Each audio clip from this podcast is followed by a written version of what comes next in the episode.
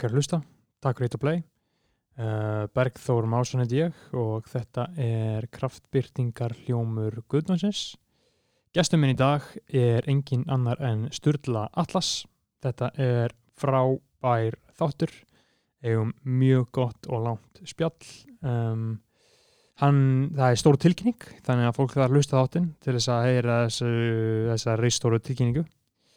En eins og aðrir þættir hjá af kraftbyrningaljómi Guðdósins þá er þessi þáttur í bóði 66 gráður norður og Júsú. Uh, 66 gráður norður er frábært fyrirtæki sem eins og ég hef sagt áður þá stiður það á bak við bakið á ungum íslendingum sem eru að trappa þetta út sem er að íta þessum kultúr sem við erum í áfram. Veist, það er íþjóttafólk, það er fjölmjölafólk það er vísindafólk eða það gerur líka rapparar eins og ég tala við. Þau hafa átt stórt hlutverki við að dressa rappara upp, upp á sigasti en síðan búaðu líka til uh, algjörlega frábærar hágæða vör.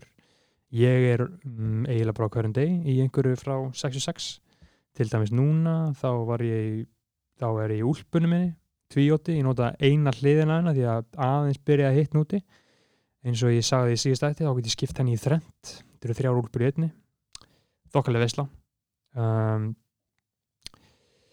þú getur kæft þér vörur frá 66 granulur í tíu mismöndi veslunum á Íslandi uh, þreymir í Danmarku og síðan eins og öll, góð fyrirtæki þá getur við skellt þér inn á 66north.is og bara kæft þetta allt á netinu sko. ég bara mæli endilega með að fólk tjekki á því uh, 66 norður.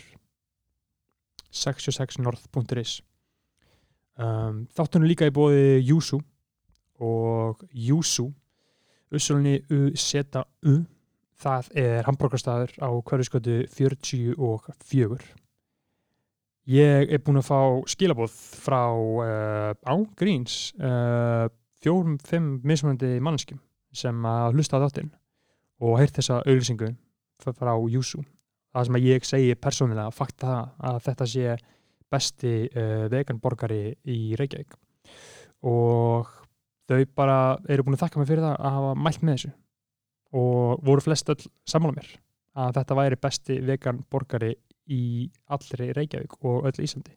Ég mæli endilega með að allir tjekki á Júsú á hverju skoti 44 lappa inn í þessa vestlu uh, výpur sem er í gangi þar og prófa bara fyrir ykkur sjálf að smakka þennan episka vegan borgara sem að þau bjóð upp á. Og þau fá örgulega hlusta á eitthvað gott rapp í leðinni því það er, eins og ég sagði síst þetta, frábær tónlist í gangi hérna einni Það er eflust einhverju sem að horfa þáttinn og sjá Sturla Atlas. Hmm, hann er ekki rappari. Uh, nei, vissulega þá er hann ekki rappari af henni hefðbundnu tegund.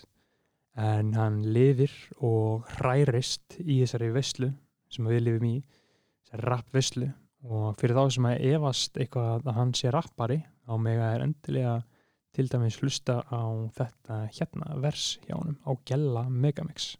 Mér heim, þær bjóða mér heim en ég segi svo nei. Wow, Get ekki neitt. Langar í meira, langar í dó. Breykjað og virkum langt fram að nót Allat í pásu, gekk bær í smásnum Pillur og hass er að gera þetta dót Gæla mín saði, komið þið nóg. Slakaðu á, annars verður þið sló. Gæl ég veit að þetta er einfalt Fimm ári þrítut með fyrir að þreita Allt ekki neyta Ég er slæðin fyrir myndi og ég veit það. Líður best þegar ég með henn að feita Túpi skot og gleyma Ég meina, ég er allt ekki feika Ég elska þetta stelpa, ég meina Bara þú og ég til í deimar. Þetta er og veifall, þetta er og veifall ah!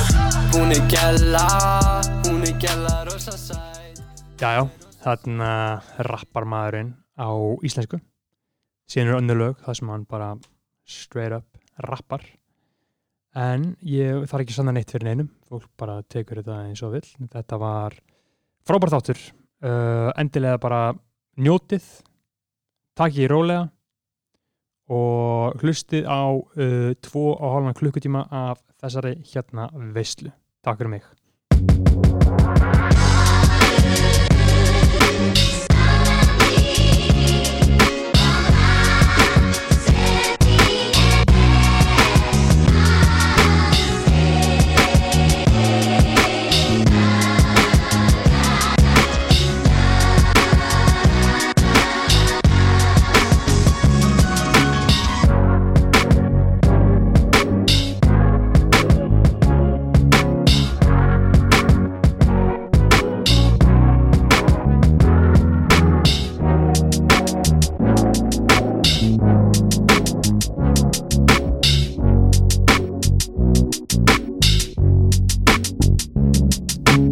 Sturla Atlas, uh, Sigurbjartur Sturla Atlasson, verðu velkominn. Takk hérna fyrir, Bergur Hvað segir Karlin?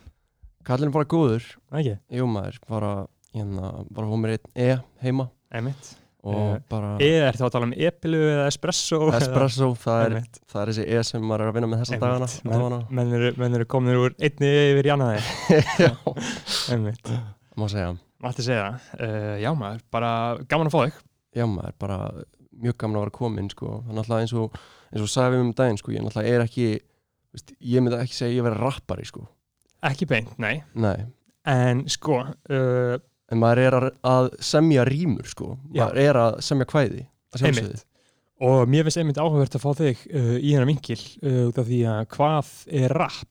já, já, já, já, Þú skilur hvað að menna. Þú hefur rappað. já, Það eru lög sem þú rappar á. já, já, það er það sko. En svona megin megnið af tónlistininni er ekki rapp. nei, alls ekki sko. En myndur þú segja að megin megnið af tónlistinni væri pop eða R&B eða... ég myndi klálega að segja að vera pop í dag Já. sko. Já, uh, þú veist, það var svona maður svona byrjar að gera tónlist líka á því tímubili þar sem þetta er að þar sem að þú veist þetta rap, syngjandi rap sound er að svona þú veist fara úr því að vera eitthvað svona on the rise í að verða mainstream þannig að þú veist þetta er eitthvað sem svona, þú veist hétt kannski hip-hop fyrir einhverjum árum með mitt þú veist eins og við hefur rætt áður bara í þessum þætti mm. en þú veist í dag er þetta bara pop einmitt, já, já, algjörlega, sko. þú veist Og, en þú svona samt, sko, uh, ekkert beint rapp, en svona smá eins og Weekend, skilur. Já. Hann rappar ekki, Nei. en hann haga sér. Og lifir eins og rappari. nákvæmlega Og, chill, og það er svona svo, þú líka, eða ekki? Já, jú, jú, ég meina, þú veist, auðvitað, þú veist, mitt umhverfi hérna og þú veist, svona tónlistar, fólk sem ég er kringum, þú veist, það Mhm. er, þú veist, flestir þeirra eru, einmitt, rapparar, einmitt. og jú, auðvitað, svona, þú veist, ímyndin og svona myndin, þú veist, það, hún er auðvitað rappari, ég meina, þú veist, fullur fólk kalla mig bara rappara, einmitt. og þú veist, maður er bara, þú veist, maður segir bara, já, ok, já, þú veist, ég, það er bara þannig. Erfitt nefnilega að boksa þetta. Uh, eins og til dæmis uh, Post Malone er líka fínt dæmi, já, Hann er eiginlega ekki rappari, en hann er samt rappari, já, algjörlega, sko, og mér líður sko eins og Íslandi að það séu kannski svona þú og huginn sem eru settir í þetta box, þannig séð sko.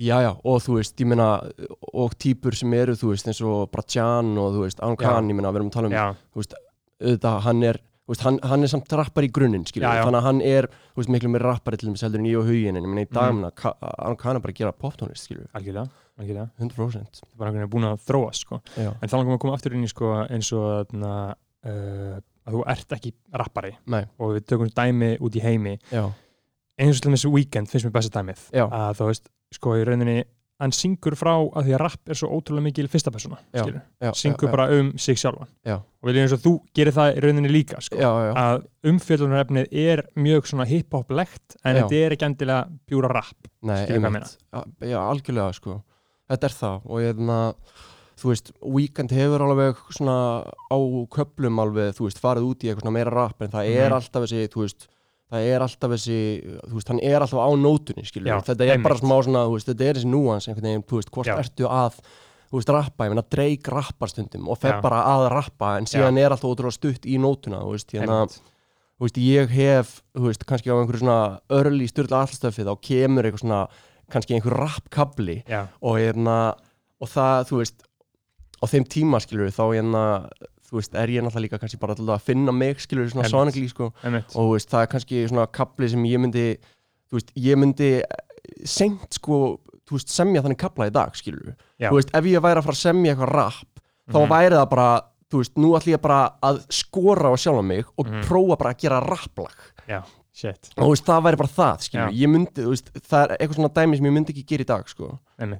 Að, En, en var þetta sko uh, þegar að, einmitt, þú varst svona að finna sjálfa þig já, og sagðiru til dæmis eins og bara á fyrsta, svona fyrsta 2015 Love Hurts Já, hjá já. okkur einmitt uh, var þá markmið þú veist, settið ykkur markmið við ætlum að gera pop en þetta verður svona rap Nei, element þú í veist, þessu eða bara Þú mætti í veist, stúdíu og við eitthvað kom. mættum bara í stúdíóið, skilur Já. það var bara það, sko Já. og ég meina, þú veist, það sem að enginni það náttúrulega, það dæmi allt saman er að veist, við erum alls ekki að taka hluturum og valvarlega, sko, Einmitt. sem er náttúrulega bara sjúklega mikill kostur að hafa, skilur þetta getur, Mhm. þú veist, það getur falla á báða vegu, skilur en, en, en þú veist, það, já, það var algjörlega með okkur í lið á þeim tíma við vorum bara að jötta skilur einmitt. Og þú veist, auðvitað vorum við á sama tíma að gera lög sem okkur fannst geggjuð skilur og okkur þótti sjúklega væntum.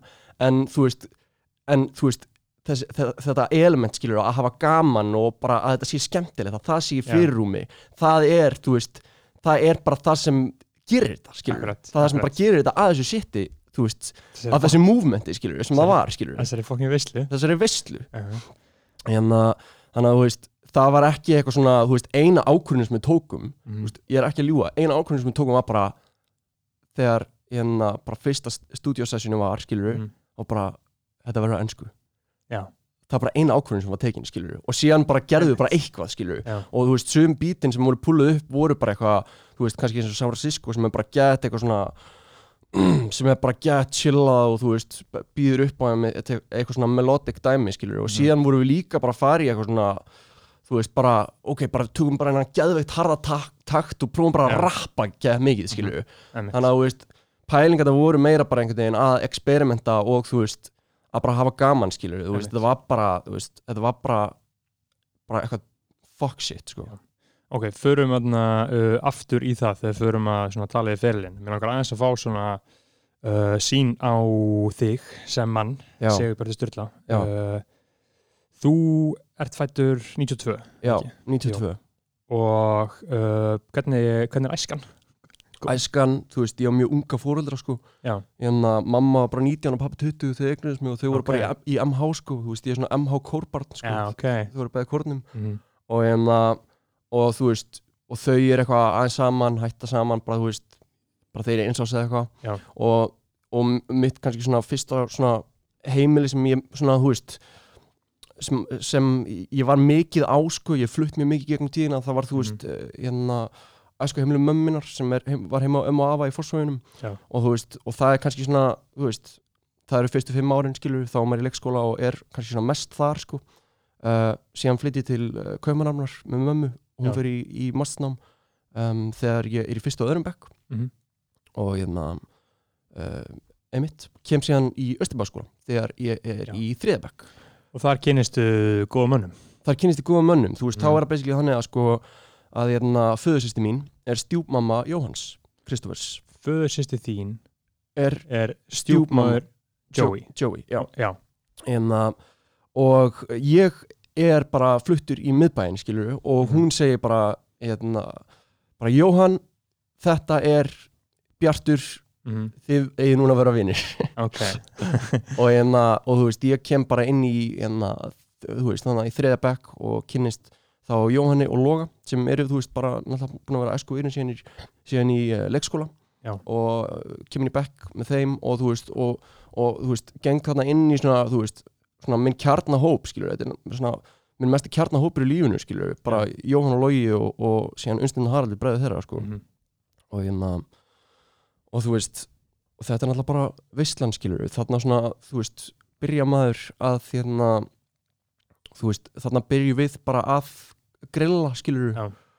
og að vera að gera bara eitthvað þú veist, bara að leika okkur að gera dót skilur þú veist, það hefur alveg það er á netinu skilur, stuttmyndir sem við Já. gerðum þegar við vorum litlir skilur Og þið voru þá alltaf bara alveg að skapa frá day 1. Já, algjörlega og þú veist og það er ekki, þú veist ég veit það ekki, allan að því ég hugsa fyrir mína parta eftir á þá var ekki, ekki eitthvað svona eitthvað, ég, við, við verðum að fara og skapa eitthvað ekki mikið, það var bara eitthvað svona dót svona náttúrulegt, skilur við, eitthvað bara svona dót sem við fórum að gera og þú veist og auðvitað erum við líka úr kannski, þú veist, við erum alveg úr umhverfi sem er skapandi, þú veist, mm. fóruðar mínir eru báði listamenn og, og sumulegis Jóhannsmegin, skilur við Mhm. og síðan náttúrulega bara unnstinn og login náttúrulega bara sjúklega bara listnegðir, skilur við, bara auðvitað bara Akkurat. Uh, þannig að veist, það byrja þar og veist, á, náttúrulega á sama tíma bara þannig að í þriða fjórabæk þá bara erum við í rappljónsitt Mm. við erum í, rappljónsitt sem heitir uh, þú veist, rap 101 Mm. og áttu fyrst að heita Diablo en, en við máttum það ekki af því að mamma Jóhanns bannaði okkur það Já. af því að þau voru katholíku kirkjunni sko. En að Diablo og þú veist, við vorum í rap 101 og Mhm. þegar við erum þannig að í þriðja eða fjórabæk þú veist, örgulega bara bara, þetta er menninganótt áður en að við fyrir í fjórabæk þá, keppum við í rýmnaflæði á Ingolstorgi og þú veist, Bent er að keppa þar Svona ungir. Já, Já. Hvernig, hvernig, hvernig var það hægt? ég, ég veit það ekki, ég man bara eftir þessu, þú veist, ég man bara að Bent var þarna, Mhm. Erpur var held í dómnefndinni og síðan var einhver gaur sem var hann að hann var eitthvað með einhverja rímu sem var hann að eitthvað, hérna, býðin var löng og píkan var þröng svo allir upp með hendunar og upp með löngu töng og ég man bara eftir þessari línu en við mætum hana og við vorum að rappa út um Mela og Móa hérna út um Mela og Móa syngjum við rappandi Lóa einmitt og hérna, og þú veist, Alveg náttúrurapp já það var náttúrurapp og ég og Jóhann og Lói vorum að rappa mm og síðan var Unnsteinn var svona, þú veist, hérna hann var svona, þú veist, á svona típa sem svona ætti að vera svona á the turn, turntables og væri svona Já. Yo, what's up? Hvað segið þið? mm. og hérna, og síðan var Haraldur eitthvað á kantinum, ég man ekki alveg ég man ekki alveg hvað hann var að gera hann var, hann var alveg, sko já, já. Og hérna, Bent, var, var hann að keppa? Ég, var hann að dæma? ég held með minnir, þú veist, að hann hefði verið að keppa Já. en þú veist, ég var átt ára eða Einmitt, þú veist, ég man ekki eftir þessu, sko. Nei, almennilega. Akkurat. Og þetta heldur áfram uh, þetta, og, þetta er á saman tíman alltaf, þú veist líka bara og hérna, þú veist, Rottvalur er að gefa út þannig að plötuna sína, skilur einmitt, Þetta er bara eitthvað 2002, 2003 eitthvað. Já, Já. þú veist, alltaf þetta sé ekki líka bara svona fyrsta eða þú veist, hérna þessi Rottvalur plata hefur mjög mikil áhrifin alltaf bara á hérna, þú veist, mína kynslu, skilur eða það var heitsta, bara, eða veist, það var bara langstæðsta tónlistin á Íslandi Já, þann, hérna, á þeim tíma og ég man, þú veist, ég fekk þá plötu jólugjöf mm. og þú veist uh, bara hlustaði sjúklega mikið á það ég man bara svona, þú veist, það var, það var eitthvað svona rap sem að hérna, var það edgy að maður var bara fuck, bara þú veist, má segja þetta já, akkurat Og var, þú veist Var þetta sem að krakkan í Östubæðskóla voru að hlusta á það? Róttarar? Uh, þú veist, ég var að hlusta á það ég krakkarnir kringum mig jú, þau, krakkarnir kringum mig voru að hlusta á þetta sko. Mhm. uh, og síðan kannski, þú veist, auðvitað bara þróast það skilur þegar maður verður hans eldri og þú veist, og þá var það var líka, þú veist, mikið hlusta á rock sko Já. Þú veist, ég hlusta alveg mikið á rock og krakkar í kringum mig í mínum Mhm. bekk, þú veist, við hlustuðum mikið bara á, þú veist, Metallica, Þú veist, Okay. ég hlustaði mjög mikið á Metallica á, Mm. þú veist, kannski eitt ára eða eitthvað og síðan er, þú veist, líka bara böndin svo, þú veist, bara eitthvað Nirvana sem er bara sjúklega stór hluti af mínu Akkurat. tónströppildi, sko. En þarna, segðu mér hans frá sko, uh, Austó.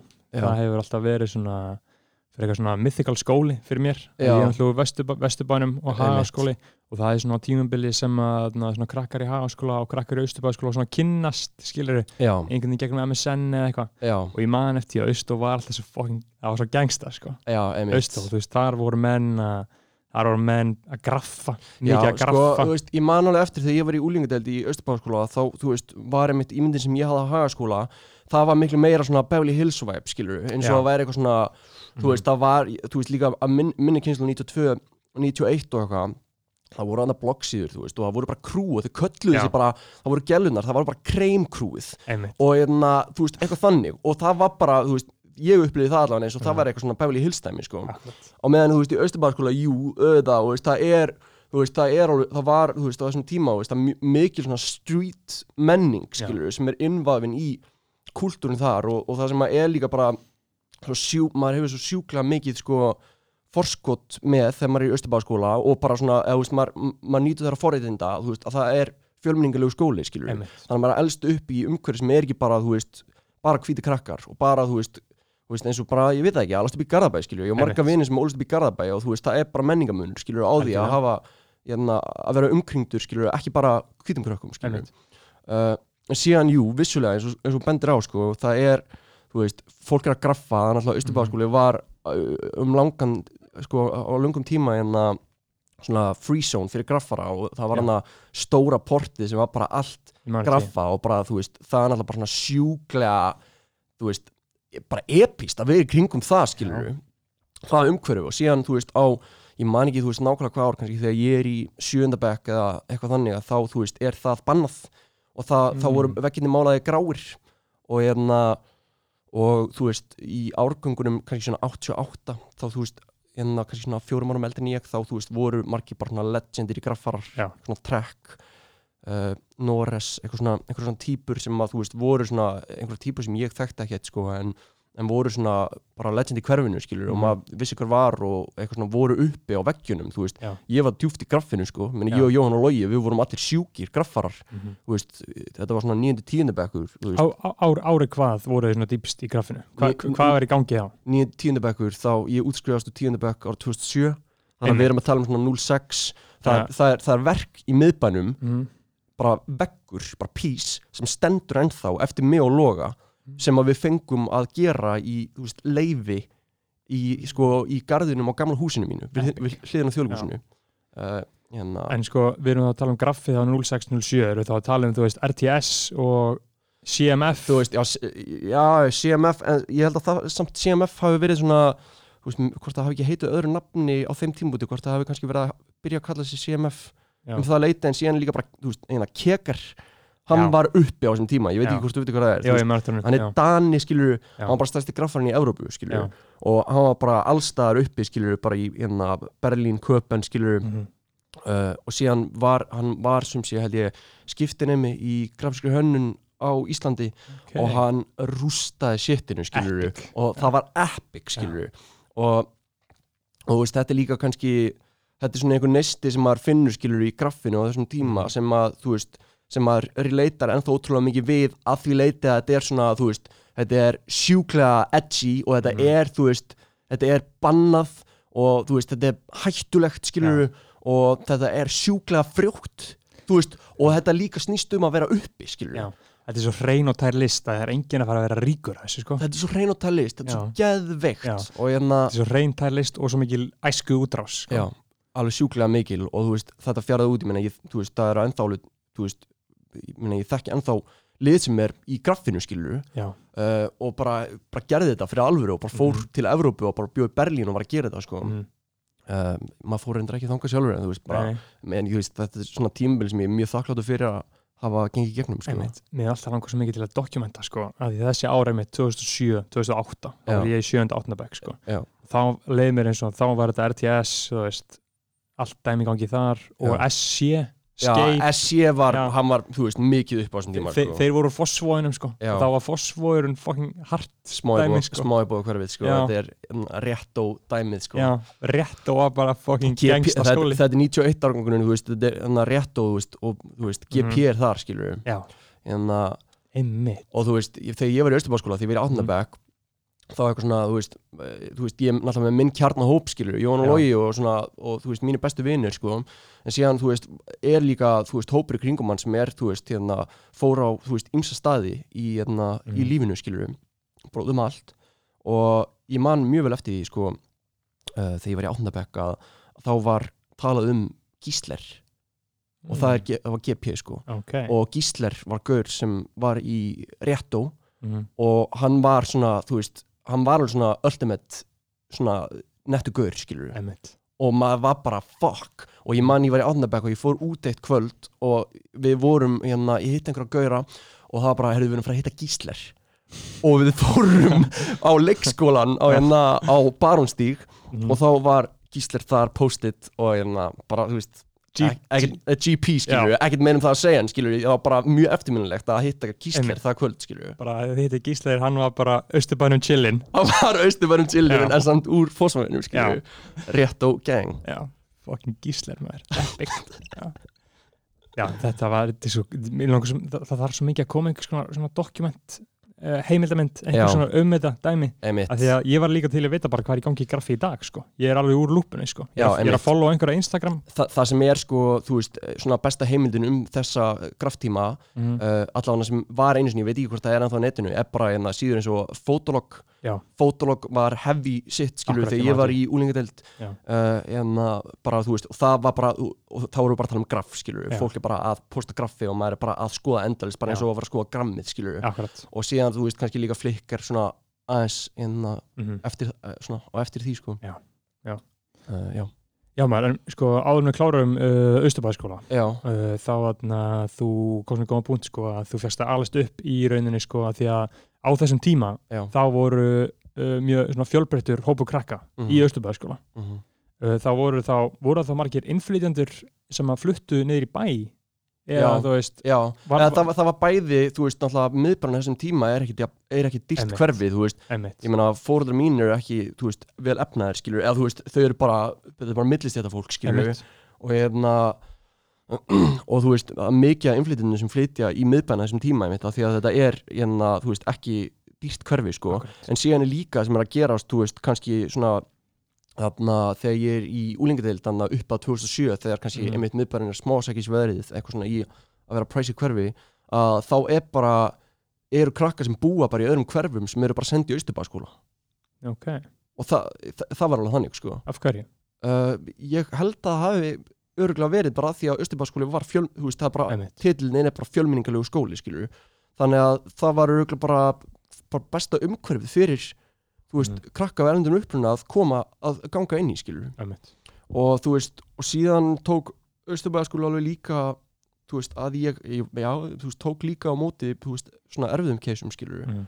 þú veist, kannski krakkar sem hafa verið, þú veist, reknur í einum skóla en þú veist, að ég veit ekki, kannski krakkar sem eru reknur í einum skóla með örugglega fara í hvaða skóla sem er, skilur, Einmitt. En þú veist, það var allan svona tilfinningin, það var oft, þú veist það er, alveg aust og stemmingin, skilur Já. síðan, þú veist uh, ekki að ég viti eitthvað um hvernig aust og þróaðist, skilur, en aust og í dag, ég held að sé aðeins að, að öðruvísi staður, sko, en Einmitt. það var á þessum tíma En það ekki út að núna alltaf bara rándýrt að búa niður í bæ já, dýrstabúin í bæ og þú veist einmitt, ég, ég átta mig ekki alveg á stemmingunni en það sem að, það sem að sko lið gerir svona, þú veist lið sem hérna á krakka og kannski vel efna lið sem á krakka og býnir í bæ Mm. þá sendir krakkana sína frekar í landakotskóla og sendir Já, ok. krakkana sína frekar í hagaskóla.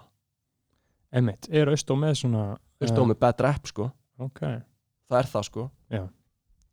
uh, en ég veit ekkit meira þú veist, ég veit ekkit the details of that skilur nei, nei, einmitt, einmitt. Það var gaman að aðtúa það. Já.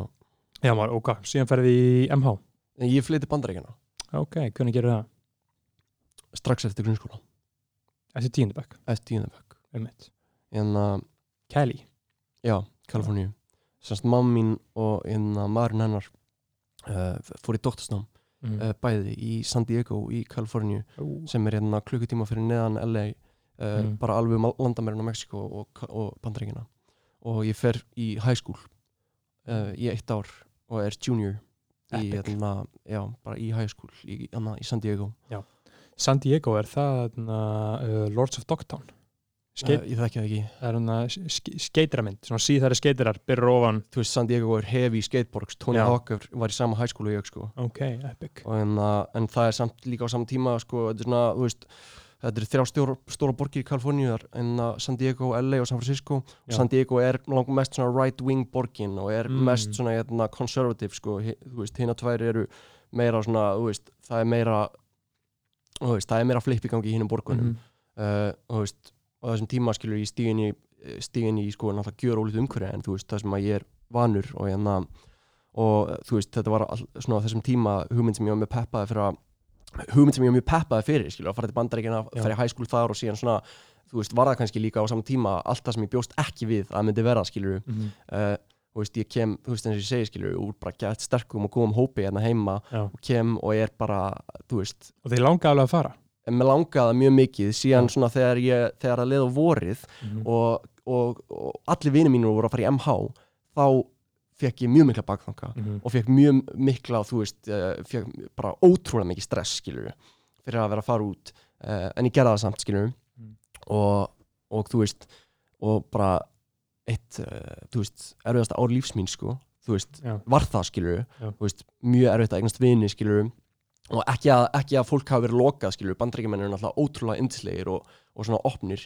En, hérna, en fyrir mig skilur að því að þú veist líka bara eins og ég segi skilur ég, úr, maður er úr sterkum hópi og, og, og, hérna, og maður kemur þarna út og maður þú veist, kynnist sjálfum sér bara nýtt. Að því að maður þú veist, gengur inn í bara þú veist, alveg nýtt umhverfi og maður hefur kannski einhverja hugmyndir um sjálfan sig bara eitthvað ég er, þú veist, ég er hérna outgoing, þú veist, ég er ekki feimin og síðan bara kennst ég að því bara, wow, ég er bara, ég er frekar feimin, skilur Já.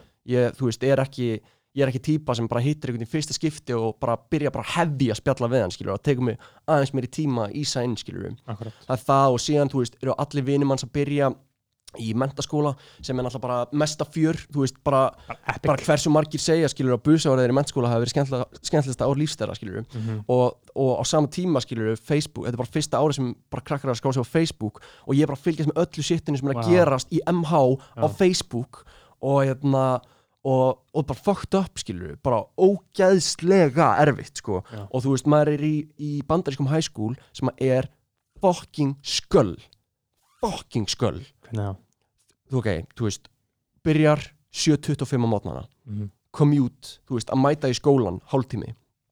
Uh, við erum að tala um að stundaskrán er eins og hverjum einasta degi allt árið, september til júni og hverjum einasta degi. Það er bara first period fucking, þannig, geometry, skilur wow. og það er bara frá september til júni, skilur og hérna og, og og, og þú veist líka bara umhverfið inn í kennstofunni, skilur bara klukktíma tímar, þú talar ekki nema og réttur upp hönd, það er bara, þú veist, mister skilur, þú verður Mhm. bara að segja bara áarpan, hérna, kennaran með setnanafninu, skilur, ef þú ætlar að fara að klóstið þetta að fá hall pass, Mhm. skilur, það er bara, það er bara allt við þetta sem er, þú veist, bara öðruvísi en svona umhverfið sem maður myndi kannski segja að væri alveg svona lípó á Íslandi, skilur Ma, þú veist, það er alveg, þú veist, fólk þekkist vel, skilur, og hérna þú veist, fólk hittst út í búð og, og er síðan saman í kennstói eða hvað sem það Mhm. er, skilur þannig að, þú veist, það er mjög mikil menningamunur og þú veist, hérna og þú veist, bara virkilega veist, virkilega erfiður tími í mínu Já. lífi, sko en þarna, uh, en varstu eitthvað, þú veist, kynntist eitthvað liði sem úrt í sambandi við í dag, eða? ég kynntist, já, ég kynntist fullt af liði, sko uh,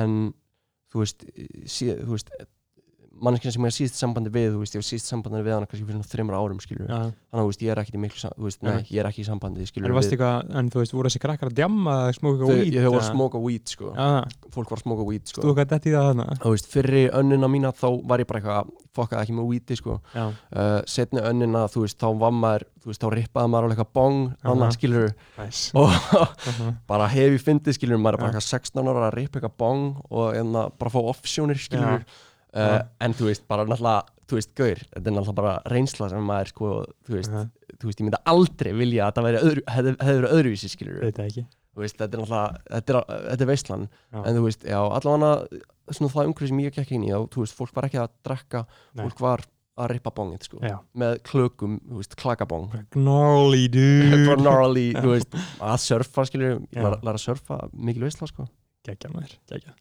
Uh, og síðan kemur heim eftir eitt ár. já, ke kem heim eftir eitt Kemur ár. þá inn í MH, eða? já, ragliðið sinni í MH uh, sem er náttúrulega bara mikil veistla Mm. var þrjú ári í MH Já. og þú veist og er þar líka bara svona geða mikið að kynnast einhvern veginn sjálfur mér skilur það sem Mm. svona ég vil gera skilur og er svona á þessum tíma skilur svona ég, ég kannski fatta það daldið því ég var í bandringunum að þú veist að mér langaði að stefna á einhver svona leit sem væri svona performatív sko. Já. og þú veist það er eitthvað svona element sem hefur þú veist bara verið í mér frá ég á lítill þú veist ég er hérna þú veist uh, bara dýrka sjó. Ég bara dýrka þú veist að bara vera með sjó.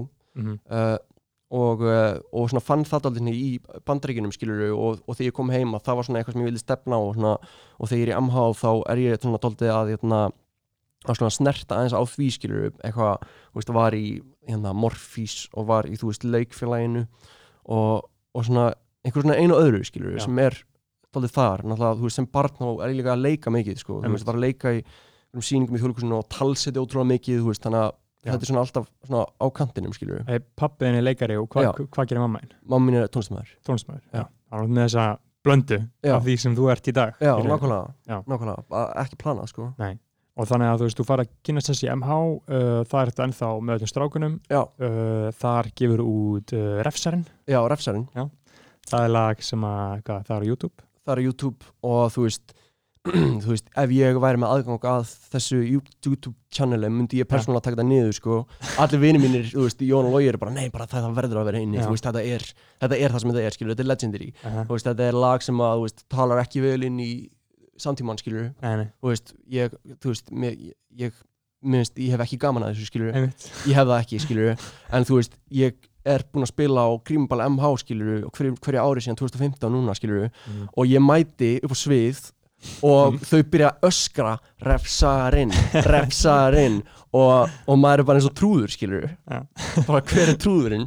Ég, upp á sviðinu að syngja refsarann. Fýtt bara að hafa eitt svona gott mými við sjálf sig, sko. já, já, ég meina, þú veist Hafa allir gott það í. Já, og þú veist, og auðvitað líka bara svona þú veist, auðvitað er líka bara þrátt fyrir að, einmitt, að þetta sé eitthvað greinlega skilur og þetta talar ítlinni samtíman bara, þú veist, það, það er, þú veist, það er gaman að hafa gert það, það gaman að Mhm. hafa þegar maður var, þú veist, á þessum, þessum árum í, mennskóla, bara gert lag, skilur Einmitt. og þú veist, ég man vel eftir þú tókum upp þetta lagin í herbyggina sem loga á Grettskutu og bara, þú veist og þú veist, auðvitað þykir mér vænt um það á einhvern hátt, skilur Já. Og auðvitað er þetta á einhvern eitthvað, einhver hérna, fyrirbúði, skilur Mm. Einmitt. En það var ekkert svona svo mikil hefð í MH að gera lög.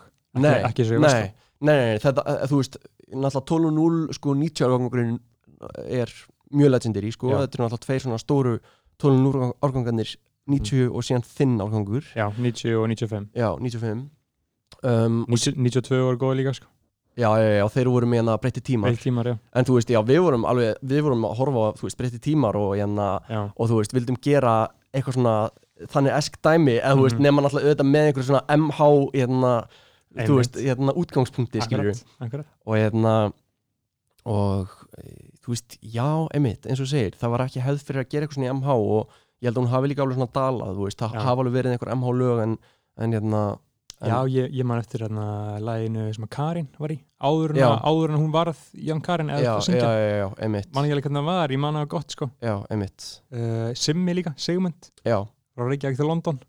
Já. MH-lag já, ok, ok, gæðið Þannig að þú veist, þetta hefðin hefur lifað. Hefðin hefur lifað, það er gott. Uh, Þá hérna, þú útskjörast úr MH 2012 2012 uh, ferð beint í leikaranám eða hvað? Nei, ég fer semst hérna til uh, Suður Ameríku Já, uh, ég fer í ferð sko í, í hálft ár fer fyrst til mömmutu bandaríkina sem er ennþá þá í dótsnámi er þar Mhm. í Kaliforníu í svona einn mánuð og hérna uh, síðan koma Joey og Mhm. tveir aðrir uh, vinnur okkar Mhm. vegur einar til okkar og við förum til Mexiko erum í Mexiko um mánuð og komum okkur bíl og, og keirum niður allar með Ameríku mm. og skiljum við bílinni í Panama flugum til Kolumbíu erum þar, erum í Peru og þú veist, Veistland Epist. Þú þekkir þetta, Ég fokkin þekki þetta maður. Colombia sko. Kolumbía uh -huh.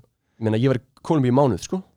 Snelt bara algjör veistla, Besta land í heimi. Besta landi í bakinn heimi maður. Ég bara hef aldrei uh, komið til betra lands. Já. þetta er svona, land, þetta er svona landi mitt skil, gaman að eitthvað land skil. Nákvæmlega, en einhver spyrir mig eitthvað, þá bara að fara til Kolumbíu bro. Já, einmitt. Og þú kemur heimanna já, frá heimsössunni, já maður, þú veist mikill, sko, þú veist, mikill áhrif á tími, sko að að fara í heimsreysu og þessum Já. aldri mótækilögur og maður er hérna, þú veist og maður er semulega, sko að, hérna, Jóhann orðaði þetta einhvern tímann þannig að, þú veist, að, að hérna, hann hefur verið að upplifa, sko já, hann hefur verið að, hérna fatta, sko, eða byrja að hrífast af deyfandi lífstíl. Mm. og ég tengi mjög mikið við þetta. Hvernig og þú veist, maður er uh, þú veist maður er bara, bara visionið er að skapast skilur Já. og artistríð er dálítið svona að verða til Mm. og maður er að finna sig meira og meira skilur í bara einhvern veginn þú veist, bara, þú veist, í hvað áttur ég fara skilur, hvað hva, þú veist, hvað vil ég segja hvað, þú veist, hvað list finnst mér nett skilur hvað, Mhm. hvernig svona frásagnir þú veist, tala til mín Já. og síðan líka þetta bara, þú veist þú veist, já, já þú, ægur, það er bara allt einhvern veginn, Já. þú veist, þetta er bara og þarna varst, varstu alveg ákveðin, ákveðin í því að þú ætlaðir að verða listamæður Já, já, þú veist, ég ætlaði bara, veist, ég vildi bara vera leikari, sko. Og hérna, er bara, bara laser focused að ég ætla bara að fara í leiklistskóla og, og þegar ég kemur heim þá hérna fer ég í, þú veist, kennst ég inn í hérna einmitt. leikaranám. Og hérna og uh, byrjaði þar 2013 mm -hmm. og síðan erum við að tala um að uh, að uh, ég uh, flytt inn á uh, lögveg 33 sem Einmitt. er svona þú veist, mikill áhrif á staður sko Já, með, það, með það að skrifa hjá mér að ræða svona uh, veistlands sem hann gangi þar Já, Hvena flyttið inn á laugaveg 33? Uh, í byrjun ást 2013 Byrjun bara- 2013. Já, það er nákvæmlega samtíma og ég er að komast inn í, í leikilskólan sko, bara Mhm. maður er nýkomin annað heim úr þessari reysu og þið eru þrýr sem búið þar Já, við erum þrýr, ég og Lói Petró og Jón Petur uh, hérna vinnur okkar og uh, já, við flytum hann það inn, þú veist við erum uh, ungi menn, allir fætti 92 allir með stóra drauma, skilur 21 árs 21 árs Aha. að djamma mjög mikið, skilur Aha. og á laugavegi, þú veist, þetta er beint á móti Dillon, þetta er á efstu hæð Mhm. uh, þú veist, þetta er bara svona þú veist, þetta er bara episk íbúð, skilur, þetta bara penthouse íbúð allir með, þú veist, allir með hérna bara næs herbergi Mhm. og síðan bara, þú veist, risa stóru opin stofa með klukka út á lögavegin og þú veist, þið líður bara eins og þú sért kóngurinn, skilur Já. Þið líður bara eins og þú sért kóngurinn Mm. en þú veist, já, og þetta er alltaf bara eitthvað bitch Frekar, 21 árs og veist ekki shit þú veist ekki neitt, sko en að, já, það líður eins og þú getur gert allt, sko Já. og þú veist, við allir svona dálítið á þeim stað, sko Mhm. og hérna úrverður mikil veistla sko Já. og þú veist, eins og ég segi skilur já, mikið djam og hérna og maður er, er að halda áfram að finna sig og hérna og, og þú veist, gengur í gegnum þú veist, listnám Mhm. sem að er þú veist, leikaranámur að vísu svona það er kannski óhefbundið frá öðrum listnámum það er svona, þú veist, það er, að, það er, það er smá eins og svona kannski blanda af listnámi og bara eitthvað svona bara svona íþrótt skilur af því að Já. þú ert náttúrulega líka að virkja líka með þenn ótrúlega mikið, Aha. þú veist, að vera svona, svona performatífur og svona virkja röddina eina, þú veist, að, að byggja hann upp sko. Mhm. um, já, Já, og þið eru á lögvið 33 á lögvegi Eh. 33, þú veist, að halda þú veist, partíða sem að er, þú veist, það, það er, þú veist áramót og það er, þú veist, röð fyrir utan húsið okkar, Mhm. bara, þú veist, kannski tíu metra röð Mhm. og þetta er bara eins og þetta sé fyrir utan kaffibarinn á einhverjum svona peak hour og þú veist, við erum bara í hurðinni, bara skiptast á vöktum bara með einhver svona löggukilfu bara, nei, bara sorry, þú ert ekki að koma hérna inn, skilur og hérna þú veist, hvað, getur maður sagt, Einmitt. það er mörg rosalega partí sem var að halda hérna, þú veist, Skrillex DJ-in sem ég, þú veist, heima okkur þú veist, við erum að tala um bara hérna þú veist bara mikið að liði sem kom þannig gegn, skilur Kom, kom Young Lean ekki líka? Jú, eh, þú veist, þetta var sama partíð sko. þetta var hérna Sonar 2015 Já. þá, þú veist, er Skrillex að spila Young Lean, eitthvað, þú veist, Ryan Hemsworth eða eitthvað, Já, og þeir koma allir í, hérna, þú veist, partí á lögavið 33, Já. Young Sherm er að DJ á lögavið 33 epic og, þú veist, og Skrillex er að DJ veist, við erum að tala um á einum tímpúndi er ég inn í herbygginu hjá Jónu Petri og Skrillex er að segja einhverja sögu og það er allir að koma inn í herbyggja því að Skrillex er að segja einhverja sögu og hann er svo sjúklega æstur og Jón Petur, vinnum minn, þú veist, sorry Jón Petur, en að þess að segja þetta skilur en hann er bara verða ekki að hellaður og er verður að fá alla út og síðan allir út úr herbygginu og hann dettur á hausin og fara gata á hausin og þarf að fara bara á spítalan þetta eru tímandi sem maður lifið sko. Já, ég man einmitt eftir að uh, ég fekk að koma hann á nokksunum Já. og þarna var ég í þessu 12.0 daginn Vestló Já, og ég man uh, þegar ég fekk þarna, þegar við fengum sko samþykki frá ykkur. Já, þegar þið segðu bara hei, það sem þið eru að gera er feitt já, og buðuð okkur bara í fyrirparti já, það var bara fucking veistlan sko. já, það? Já, ég, ég man mjög vel eftir því, sko. ég man bara eitthvað uh, MC Gauti Já, attaði mig á Twitter ok. og sagði bara eitthvað, jó, komið á lögum við 33 Í alvegni og við bara eitthvað uh, ok og, og kom og síðan þarna, uh, bauð þarna JP okkur í ammæli sitt einmitt og það er einmitt svona uh, kynnti sér ykkur öllum sko. Já, einmitt Það er náttúrulega Já. líka upphafið á öllu dæminu sko Já. En að uh, ég- Ok, ég, ég man eftir því, þú veist bara en að aðeins meðin bara vinir að bara horfa þá á skjármannum lögin Já. bara eitthvað svona lilla veistlan en þú veist, þetta mm. ammali sem við erum að tala um sko Já.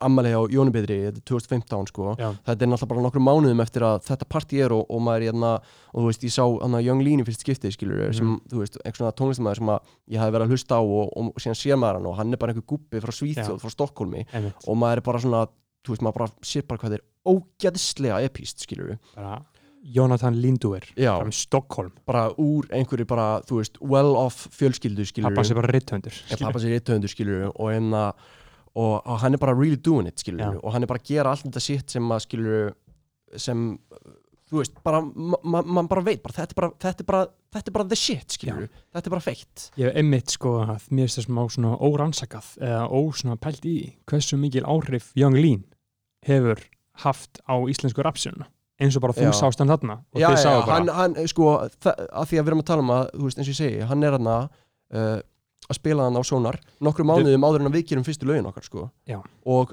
ándjóks, bara þetta kvöld Mhm. að hafa síðan live Já. og bara svona séð aðeins inn í þetta dæmi þú veist, það hefur pottit haft mjög mikil áhrif á uh, bara næstu mánuði, að því að bara mánuði síðar að tveim mánuðum síðar, þá gerum við fyrsta læð okkar og þið gerir það á ennsku eins og hann já, á einsku Já.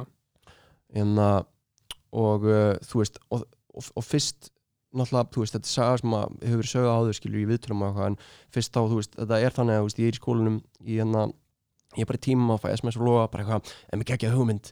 Og ég ringi hann og hann eitthvað, já, heyrðu, við, hérna, Jón Petur ámæli næstu viku, við skulum gera ammælisgjöf fyrir hann, það sem við gerum hérna, við gerum plötu, við gerum nokkuð lög og síðan getur þetta bara verið jólagjöfin, það það þurfum ekki að kaupa jólagjöfi fyrir fólk, við getum bara gefið fólki bara hérna CD, bara hardcopy af þessari plötu.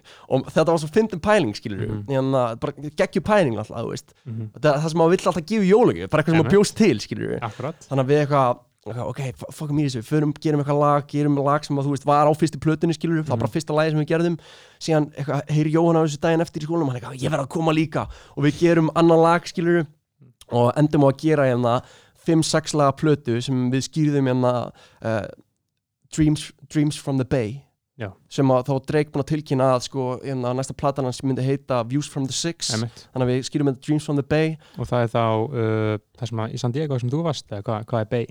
Uh, Reykjavík, Já, The Bay, sko. Bay, Vík, Bay ja, ne, e, sko þetta er alltaf fló, þú veist, við erum uh, þetta er flói, faxaflói Já, Bay, jú, jú, jú, þetta er alveg Flói. Bay jú, sko. jú, þetta er Bay, já, já. þannig að þetta er, þú Já. veist, Dreams from the Bay er Reykjavík sko. akkurat og hérna já, við gerum þessi lög og sko, þú veist, við spil og á ammælistæðin hans, þegar Mhm. partíð hans er að fara að vera um kvöldið, þá Mhm. hérna spilum við plötuna fyrir hann heima og, uh, og síðan um kvöldið skilur við, þá einhvern veginn er alltaf komin partíð og við erum eitthvað, já, við gerum þetta, veist, þetta er gett við- þetta er ammælisgjóðan okkar til hans Mhm. og þú veist, og, og ég man bara eftir því skilur, og fólk var að hlusta á þetta og fólk var svona, og það var partíð í gangi og, og það var allir að meta þetta og það var allir eitthvað svona, já, veist, það er eitthvað í Já. þessu, þetta er eitthvað fyndið skilur Mhm. og hérna og síðan svona dagana sem fylgdi þá, þú veist, var eitthvað svona ég man bara, það var eitthvað svona orka í manni, skilur það var eitthvað svona, ok, vá, þetta var fyndið og ég var svona stundum að hlusta á einhverja af þessum lögum, skilur bara eitthvað, ah, þetta er, þú veist, það er eitthvað gaman í þessu, skilur ég var alveg til að gera meira svona og ekki með eitthvað svona, ekki endilega með eitthvað svona væntingar um eitthvað svona, ég ætla að, núna ætla ég að fara út í að gera þetta, heldur bara, þú veist ég var bara til að prófa að gera meira svona og sjá hvað, Mhm. bara, þú veist, sjá hvað það verður, skilur að sjá hvað það er og hérna, og síðan, þú, þú veist, kannski svona um páskana, þú veist, bara, bara stuttu eftir þetta ammæli á, hérna, segi Lói bara eitthvað, "Heyrðu, ok, við skulum gera þetta uh, tökum rispu, tökum tvær vikur og við gerum bara mixtape. Við gerum bara tape, þú veist, hann var búin að gera, vera að gera þú veist, hérna, músík með Jón Karin skilur og Karin var að vera mikið á lögavinum þannig að maður var svona búin að vera smá í þessu skilur, bara svona sjá bara svona hvernig þetta er að vera til skilur, Einmitt. og þarna var Logi líka bara mjög svona established tónlistmaður á Íslandi. Auðvitað skilur, ég meina Rett. Steffsson búin að vera þessum tíma bara, hérna bara vinsal, þú veist, bara 2012-2013 og Rett. Steffsson bara vinsalasta band á Íslandi bara, Akkurat. hérna, platnan þeirra bara reysa stór og þau að túra óslega mikið, skilur Mhm. en að oft hefur búið með lögavinum þá logi ekki heima því að þú veist, hann er á túri í Evropu skilur með Rett Steffsson þannig að þú veist, auðvitað skilur uh, maður er með þú veist, ég þarna á þessum tíma eh, bara enga veginn eitthvað líta á mig sem eitthvað tónlistamæður skilur, ég er bara eitthvað að jötta þú veist, Mhm. logi er auðvitað, veist, hann er established eins og þú segir skilur og Mhm. hann er hérna þú veist, hann, hann getur gert þetta skilur, bara fucking vel skilur, bara láta þetta sanda eins og þetta sé bara eitthvað bara eitthvað Hollywood dæmi skilur Já. þannig að hérna, við gerum skilur, hann að en af þessu sem ég gerði í ammælisgjöf fyrir JP já, uh, það er eitt lag það er eh, þrjú lög minnstakosti sem að endur á Love Hurts sko. já, hvað lög er það? Houses in the Hills House in the Hills, það er Good Good, Já. það er hérna, Feel Your Heart sem er svona Ok. okay. falsettulag Já. en, að, um, en já, þessi lög rata yfir á sko, Mhm. Love Hurts og Já. síðan sem, er þetta held ég, ég held að þetta sé tíu laga plata eða eitthvað, Love Mhm. Hurts og við gerum hann á þessum tveim vikum, þú veist, sem við erum að búa til Love Hurts, þá gerum við hann þessi sjölegu viðbútt, fáum náttúrulega Arnæringa inn auðvitað hann kemur inn bara með roll up bara á silfurfati, skilur Mhm. uh, og uh, þú veist, já, með, með, með, með það lag skilur og með viðlagið samið skilur og við bara gerum versin skilur uh, og, og gerum, þú veist, gerum bara þessi lög, veist, við erum bara eitthvað, þú veist, eins og ég segi skilur, við erum að fokast skilur, Mhm. við erum bara að fara út við erum að vakna og fara í sund koma í stúdíóð, vera þar þú veist, fram á nótt og fara síðan aðeins og prikja og fara heim skilur Já. og hérna og náttúrulega auðvitað á sama tíma þá erum við manískir að tvíta á fullu Mhm. bara eitthvað styrla atlas Já. bara þetta er að gerast skilur við Mhm. og, og kjartan, ljósmyndari Mhm. Náttúrulega ótrúlega mikið með, með okkur á þessum tíma og visual outputið á þessum tíma er gigantist sko, Já. það er svo mikið og það hefur svo mikil áhrif. Þú veist, Ísland náttúrulega hefur ekki upplifað á þessum tíma skilur, eða allavega þessi sena þessi rap sena á þessum tíma, hefur ekki upplifað þessa svona hype stemmingu sem að við búum til hana, sem þú veist er ótrúlega hérna, orkumikil og ótrúlega forceful sko. og, hérna, og, þú- veist, þessi visual heimur náttúrulega bara svona, bara svona ítir sjúklega mikið undir það. Algjörlega þarna voru að nota Sturla Sísson Sturla Hashtagið. Sturla, season það var, að, já, það var að byrja með einmitt þegar þetta er að gerast sko. það var að byrja þarna og þá er fólk einmitt svona uh, margir svona hei er þetta djók hvað hva, hva er já, og það, það er tugga sko. já, veist, þa þar var þetta stóra klassíska svona er Sturla alltaf grín Já.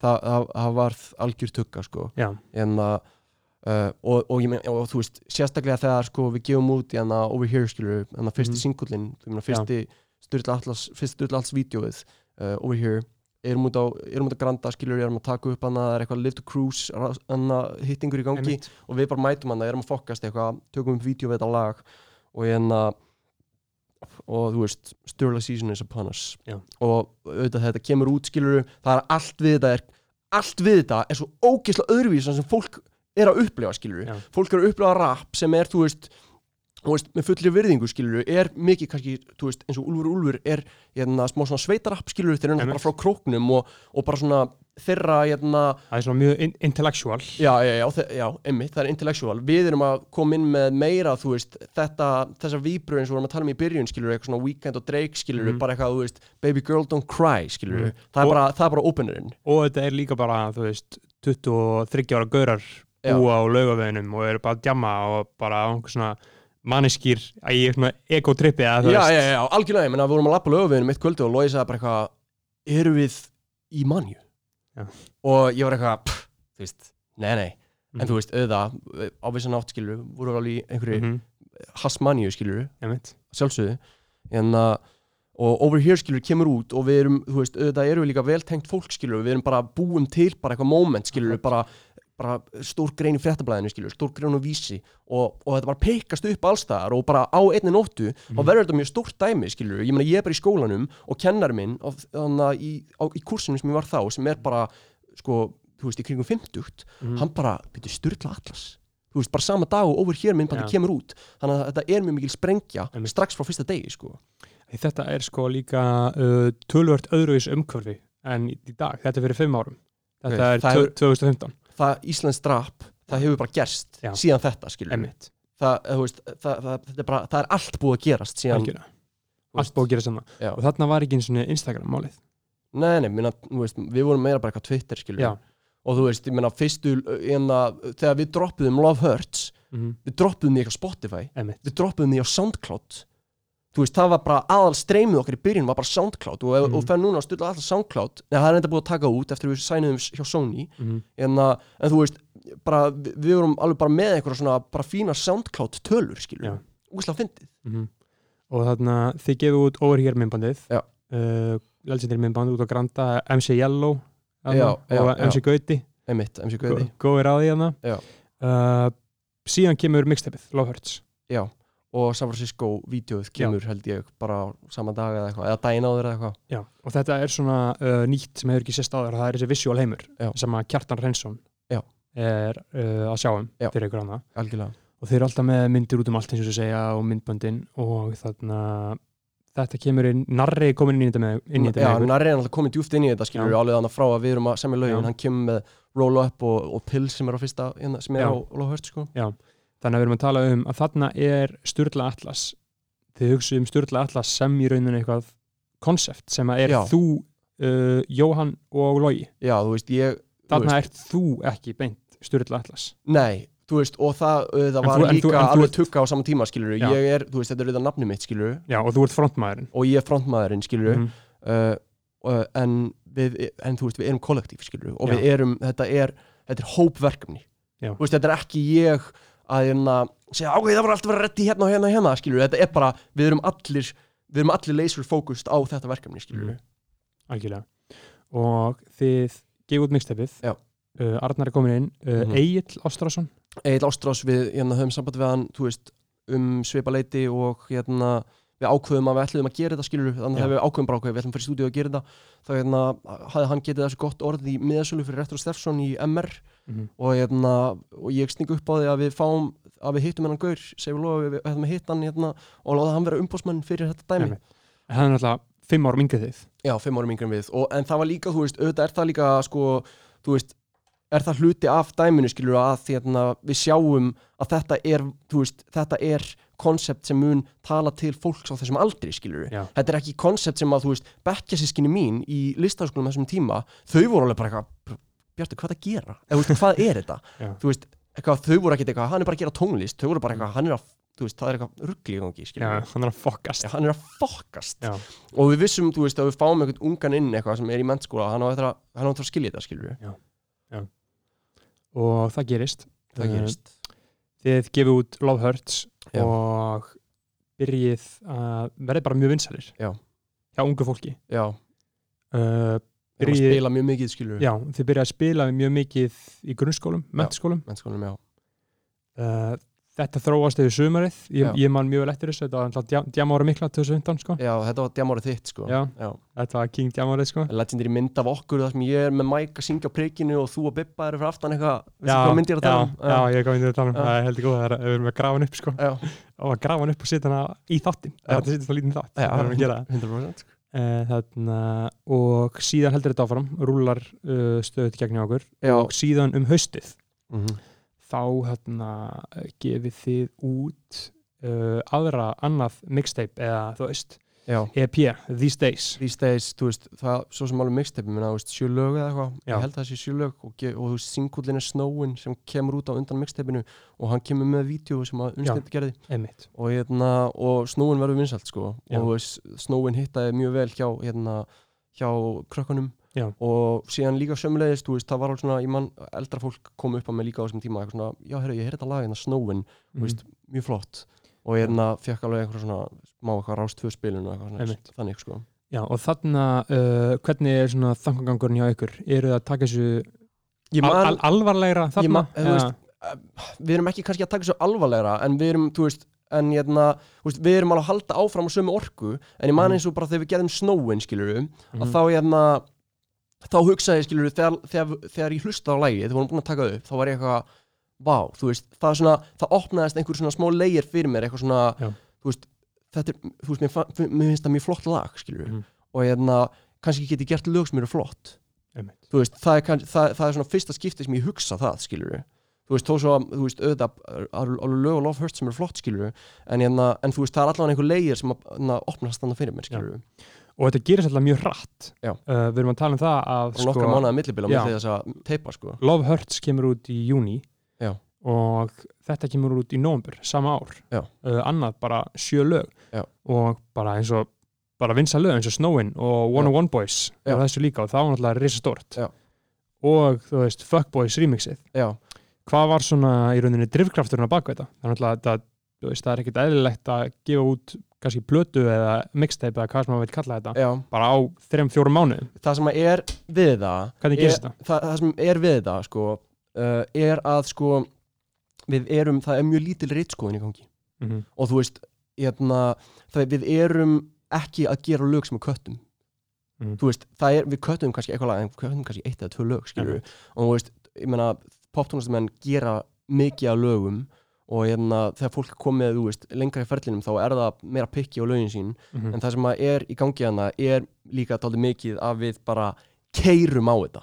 Við erum, ekki, við erum ekki að sitja við þetta skilur við erum bara, við gerum fokkin lægið og logi, þú veist, er á mig bara, bara er ekki komið vers?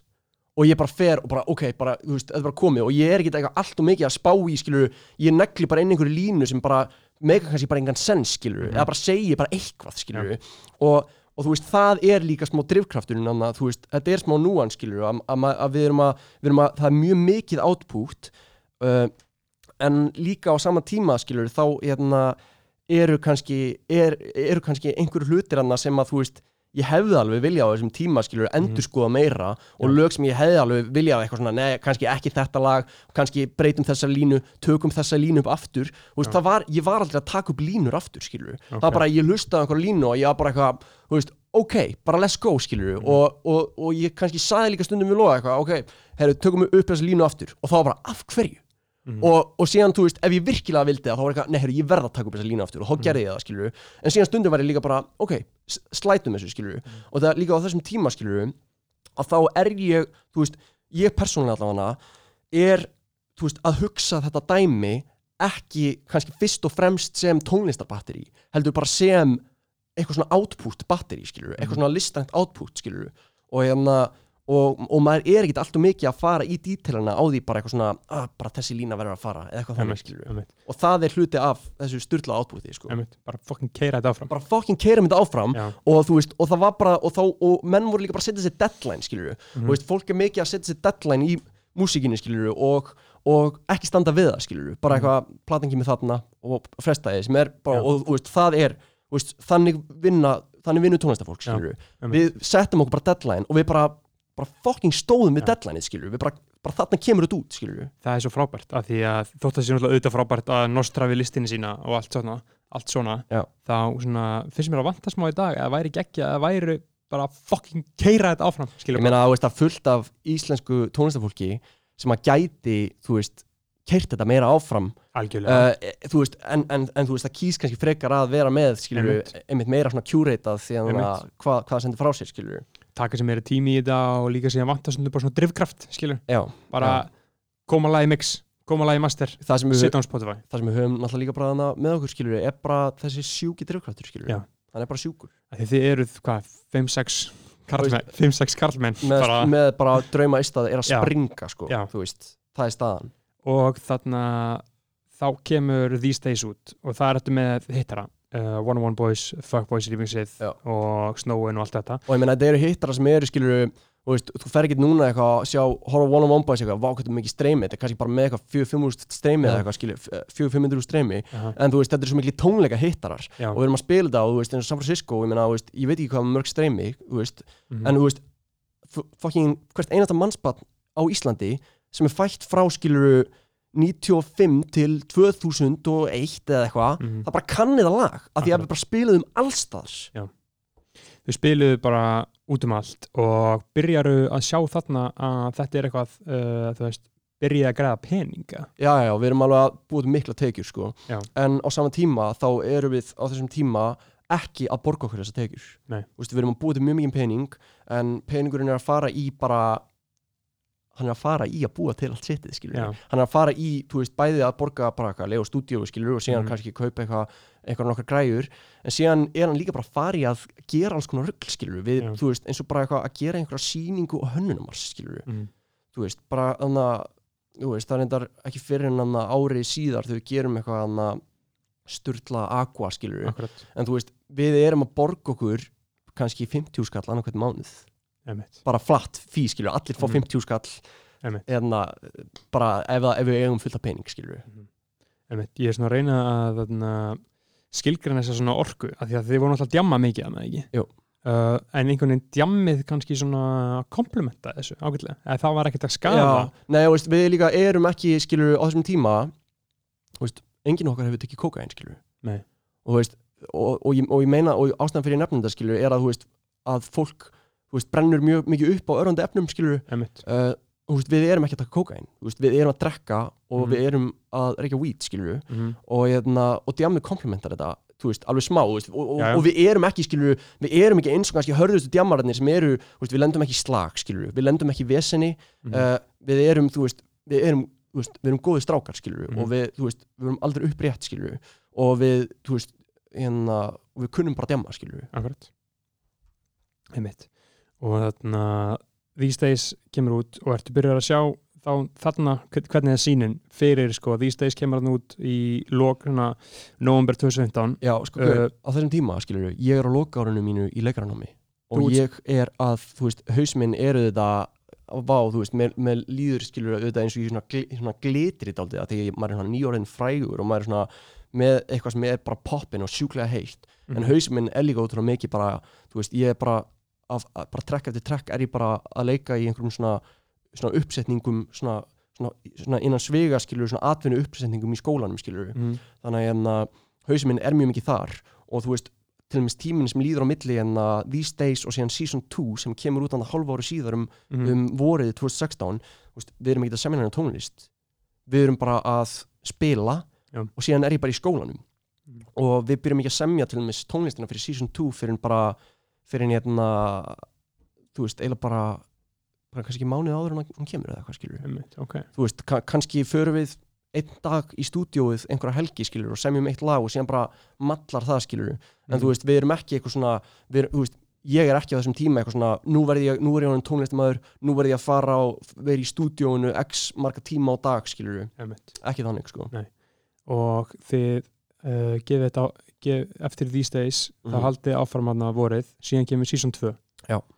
út sagt vorið uh, vorið 2016 Já. og ég meina það er ennþá sko, ég mani til því að ég downloadaði því og, og hlustaði það í iTunes sko. það var ekki, þú veist já, þá settum við bara download link bara platan er búin að droppa á bara. SoundCloud já, já, ég meina, eh, sko, Spotify var þetta ekki þessi stóri faktor í rauninni fyrir en að maður sá hvað Aron Kahn var að fá mikið streymi sko. Það er fyrir allan eins og ég upplifði það þá var, þú veist, ég byrjaði ekki að spá í þessu Spotify út eitthvað sérstaklega mikið fyrir en bara ég sá að engin mórhætt var byrjað að fá bara eitthvað sturla streymi skilur einmitt. og hérna og þú veist, útgáfan er skilur hún er eins og við segir skilur þetta er bara hérna uh, við erum með download link, við erum með Soundcloud þú veist, YouTube er ennþá bara stórt skilur við gerum Mhm. hann að vín og vídeo skilur og, og þú veist, og það er bara veist, það er alveg ja, mikilvægt dropp og bara eitthvað að setja á Spotify eða eitthvað einmitt, einmitt.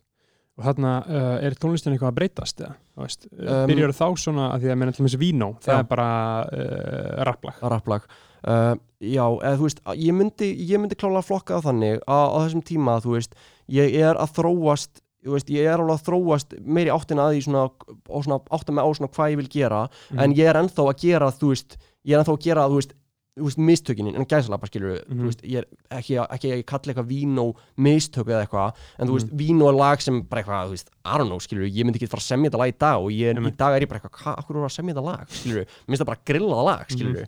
en þú veist, á sama tíma þá veist, það er það, skilur, fyrir mig, skilur Fuck you amigo. Já, fuck you amigo, skilur, ég er bara, veist, maður er bara að segja eitthvað, skilur en, hérna, en á þessum tíma er lag sem að, þú veist, varð, varð mjög stórt, sko Mhm. og uh, er svona sonically skiluru svona meira í takt við það sem ég kannski er að hugsa bara í dag skiluru, Já. er lag sem er með þú veist, episku viðlagi, bara ógeðslega Mhm. flott viðlag og, og bara svona flowið skiluru í enna, enna vers og bridge er bara, Mhm. bara on point skiluru, það er bara mjög flott uh, og, og það, er, það er þú veist, Mean to You og Tolk verður líka svona dálítið hittari svona hjá krökkunum Já. uh, og en síðan þú veist uh, hef ég sagt áður skilur að sko að season 2 kemur út á sama tíma og, og fyrsta platan hans Arons, Arons Khan Já. og þegar að ég hlusta á platan hans Arons Khan að það var svona, það var alveg moment fyrir mig þar sem ég fattaði eitthvað svona þú veist, það, þar opnaðist ný annar leigir, bara hefðu vá uh, þú veist, ég vil gera góð lög, skilur ég vil Já. gera lög sem eru bara sem ég er þykir væntum, ég vil gera lög sem að hérna, ég nenni að hlusta á aftur og aftur og aftur, skilur Já. og hérna uh, það, þú veist, það var mikill eye-opener, skilur það var mikill eye- eye-opener, mm. því að Mhm. hann er skilur í rauninni, þú veist, við erum með og undan stöðla alls eru kannski með hérna Gauta og Úlf Úlf eitthvað sem eru Mhm. vinsalir og auðvitað gís, gísla Gísli, skilur, auðvitað gísli reysa stór en hérna en Aron kemur með þetta wave það sem maður er bara tjóðlega þetta fokkin feit tónlist djöðl, þú veist, mér langar að gera mér langar, þú veist, að tjekka þessu Mhm. mér langar að, hérna mér langar að gera tónlist sem, sem mér líður eins og ho- honum líður með sína tónlist einmitt veistu hvað ég meina? Þannig byrjar að vanda aðeins meira ég byrja að vanda mig meira skilur Já. og, hérna, og næsta project skilur uh, One on a Night skilur sem Já. er, uh, þú veist auðvitað er það ekki fullkom project skilur en, hérna, en við erum að vanda okkur meira skilur Já. og við erum að kötta meira. Við semjum miklu fleiri lög þú veist, við erum að kötta alveg fullt af lögum fyrir One on a Nights. Og veist, og við gerum líka lög, veist, sem að eru og eru to this day skilur geðveik. Já. skilur bara, þú veist, Time er bara lag sem þykir bara endalust væntum skilur og hérna og bara, þú veist bara ég er bara, þú veist, hvað stoltastur af öllu á ferlinum er, er bara outputið bara hérna time-lægið pluss Mhm. vídeoið, Ég ég sko, ég var að horfa á myndbandi í gærmær Jú, þetta er fucking gott maður. Fucking flott maður, Bara þetta, eitt- output er bara svo fucking flott, sko. Bara eitt flottasta íslenska myndband ég séð, sko. Já, bara, Bara- þú veist, Jói Sjátt á Joey, já, sko. shoutout á Joey, sko, Já. náttúrulega gerði time-vídeoið og hérna Fallegt með vatninu og fjöllunum Það og í gróðrúsinu það eru öll elementin eru þarna, Já. þú veist, hérna kassala, ég veit ekki hvað það heitir Þetta er allt í svona kassa. Já, já, einmitt og náttúrulega Telma Torfa bara ótrúlega í þessu myndbandi. Veist, hún hérna er svo veist, hún er bara svo þetta er svo rosalegt, skilur við, bara force. Mm. og hérna, og bara einhvern veginn, veist, það sem er líka bara flott við þetta var, þú veist, Jói var með alls konar pælingar í þessu vídeo og eitthvað svona, þú veist eitthvað svona, þau eiga aldrei að vera að þú veist, þau eiga aldrei að vera á sama stað nema í þessari sinu og hérna, þau eiga aldrei að horfast í augu nema eitthvað á þessi momenti og Mhm. eitthvað svona alls konar litlar ákvarðanir sem þú veist, þýð ekki neitt, veist, þetta þýðir ekki neitt eitthvað svona, þetta, það er engin saga í þessu en þetta einhvern veginn svona veist, þetta talar til manns á svona hugrifa leveli, skilur við og hérna og já maður, og þú veist, það er, það er alveg, þú veist eru þetta hérna, og þú veist, það, það er kannski svona þú veist, er annar leir að, að opnast skilur bara svona, ok, bara þú veist þetta, þetta er alvöru dæmi, skilur Um, en áður en að við förum yfir í uh, One on One Night, langar bara að klára hana millinýjumbilið, þá við að tala um sko vorið 2016 Já. árið 2016 uh, þá eru þið mikið að gera uh, hvenar gerir þið 66 gráða norður það er með, það er með One on One Nights það, Það er með One on One Nights, One on ok. Nights, sko. en á þessum uh, fyrir season 2 þá gerum við Sturla Aqua þá gerir Sturla Aqua Já. auðvitað. Og það er með, á hönnunarmars það er á hönnunum hans og það er. Siggi Odds sem gerir það og hann, Siggi Odds hérna, stígur inn í projektið með, season, nei, með hérna, These Days og, veist, og fylgir því alveg og er í One on One Nights líka og veist, er, kemur með þú veist, er, þú veist, hann er þetta líka maðurinn á baku, þetta visual identity og, og Mhm. þú veist, þetta svona hann er svona branding snillingur hann er bara, hann er bara, já, hann er bara snillingur bara branding snillingur og, hérna, uh, og, og býr til brandingið skilur Sturla Aqua Mhm. og býr til brandingið fyrir Ilmin hérna One One Nights Ilmin og hérna og þú veist, og ég meina það er, ég meina þú veist eh, þú veist, eftir, þú veist maður, tjóðlega maður þakkláttur fyrir að hafa gert allt þetta rugl skilur Mhm. þó svo að hérna, þú veist, auðvitað hefði maður geta fengið meiri pening í vasan skilur versus að, að framleiða ilm skilur. Einmitt. en þú veist, tjóðis veistla hafa gert þetta skilur Epic, skilur, Já. þú manst eftir því Já.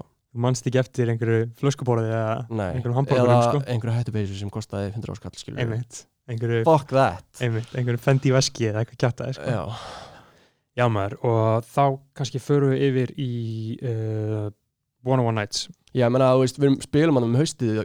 kórnum, hittum við fyrir bíberinn skilur Haustu 2016 Já, Já. eftir að við gefum út season 2 skilur við Já. eigum svo fucking legendary gig líka bara á Solstice 2016 Já, þú veist, við eigum bara svo sturglað giglar og, mm. og á þeim tíma, kannski svona sol, Solstice gigið marka líka smá upp af það sem við erum að verða svona einhver, einhver svona, svona gigband sem er virkilega gott skilur við, ok þú veist, bara svona orkan er svo ógeðslega há Mhm. og þú veist, og við bara erum að láta þess að krakka bara fucking missa vitið á tónleikum skilur við Mhm.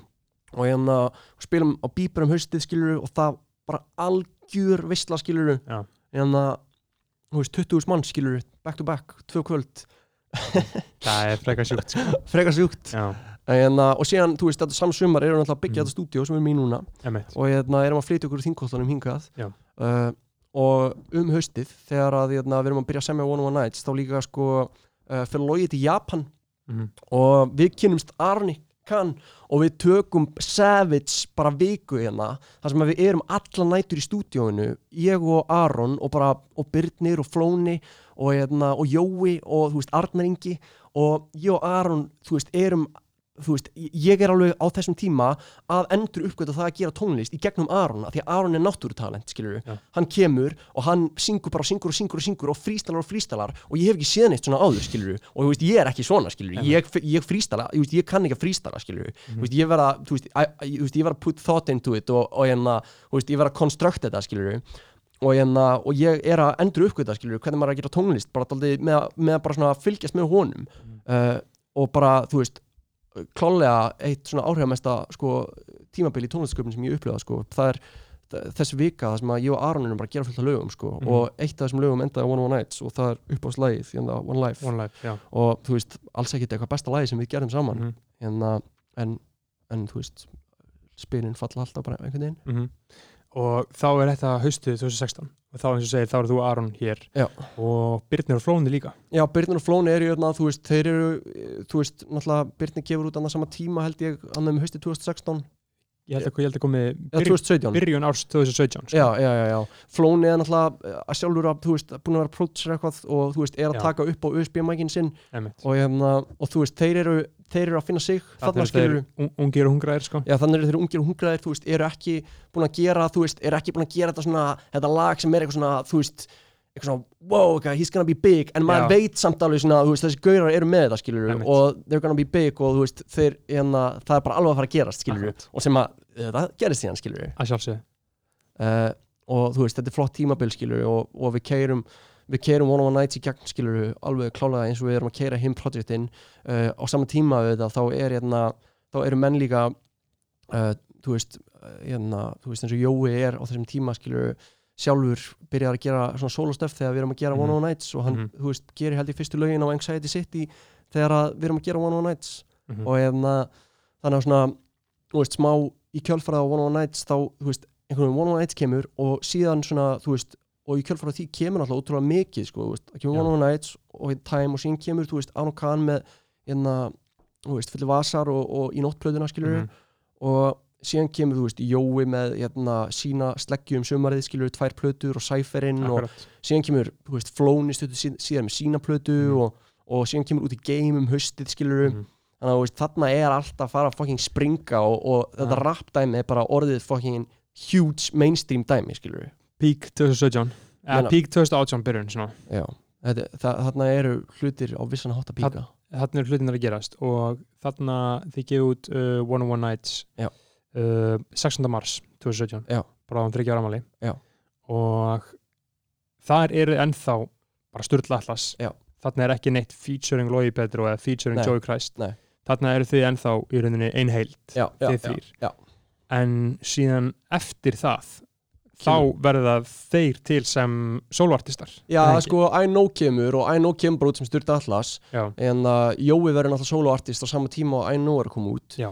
en uh, uh, Logi gaf náttúrulega ekki út sitt projekt fyrir sko 2018 og þú veist, þegar hann varð veist, artist á Spotify skilur þá, þú veist, hann er núna kreditaður sem featuring til sé á, á I know skilur já, en, uh, en þú veist, jú, ég meina, þetta eru umróta tímar skilur og þarna Mhm. eru hlutir að breytast og þarna er, þú veist, einmitt, Jó er að gefa út sitt út og, og, hérna, og þarna, þú veist er, uh, þú veist, fer ábyrðin kannski líka úr því að vera skilur þetta er bara svona hérna, heldar project skilur þetta er hérna, við erum allir saman að gera þetta mhm, og, og ábyrðin verður við það líka meira svona einstaklingsmyndin þarna skilur og, og hérna, þú veist veist, ég er með hérna, veist, ég er með þú veist, hugmyndir um hvað ég vil gera næst skilur í tónlist og hvernig Já. ég vil að það hljómi og ég og Logi gerum fullt af lögum saman og síðan, þú veist uh, síðan, þú veist, vildi ég líka gera lög sem ég væri bara einn á og hérna, og þú veist og já, þa þarna er líka svona tímabila sem að ég bara svona þú veist, er rosa mikið að þú veist, þarna verð ég mjög hérna,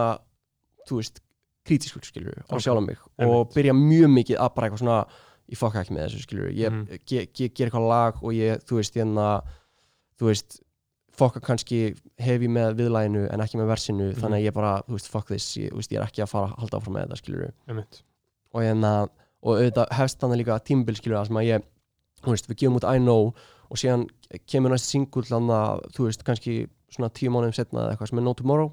Og hérna, og veist, og ég sem ótrúlega mikið af lögum og ég og Arnar, Jón Larsson þeir erum bara í stúdíónu ógeðslega mikið saman á þessu tímabili, svona eftir I know og fram að No Tomorrow og semjum ógeðslega mikið af lögum en hérna, á sama tíma, og semjum við einhvern veginn, þú veist, við erum alltaf daldið svona almost there, skilur Mhm. við erum, við erum með fullt af lögum sem eru svona ah, þau eru svona, þau eru næstu í nógu góð og, og það vantar kannski stundum eitthvað svona kapla í þá skilur í Mm. lögin og, og þú veist og, ég- og ég geng þarna gegnum svona tímabil skilur það sem að ég er hérna, það sem að ég ætla núna þú veist, núna ætla ég að leggja niður fótinn núna ætla ég að, hérna, að fá að gera tónlistina sem ég virkilega bara svona, ég vil virkilega fá að gera. Og var þá náttúrulega þeir eru bara þrýr bestu vinnir sem að eru enn frontið þetta en uh, skilinlegt að koma upp einhvers konar ágreiningur eða þú veist, ekkert endilega á með mín ágreiningur Jónas og Loga já, Já, veist, það, er- það, það var ekki ágreiningur en þú veist, það var annum haustið þegar Jói var að kikka líka mikið sjálfur að, við styrta alls ekki og Jóhann sagði bara eitthvað, ég, þú veist, ég held að þetta sé ekki alveg máli lengur að ég sé að koma fram með styrla allas ég bara, þú veist, ég nenni ekki lengur Mhm. ég ætla bara frekar að koma fram sem Joey og ég var bara eitthvað, já maður, þú veist, auðvitað skilur Mhm. og, og auðvitað var eitthvað lið í kringum mig sem var eitthvað svona, oh, eitthvað, eitthvað nei, eitthvað eins og það var ekki að mikið Já. mál en þú veist, þú veist, mér fannst það aldrei vera eitthvað Nei. issue skilur og, og mér fannst það bara vera sjálfsagt skilur þetta er haustið 2017 Já. eftir sæferinn eftir sæferinn, já, Já. já.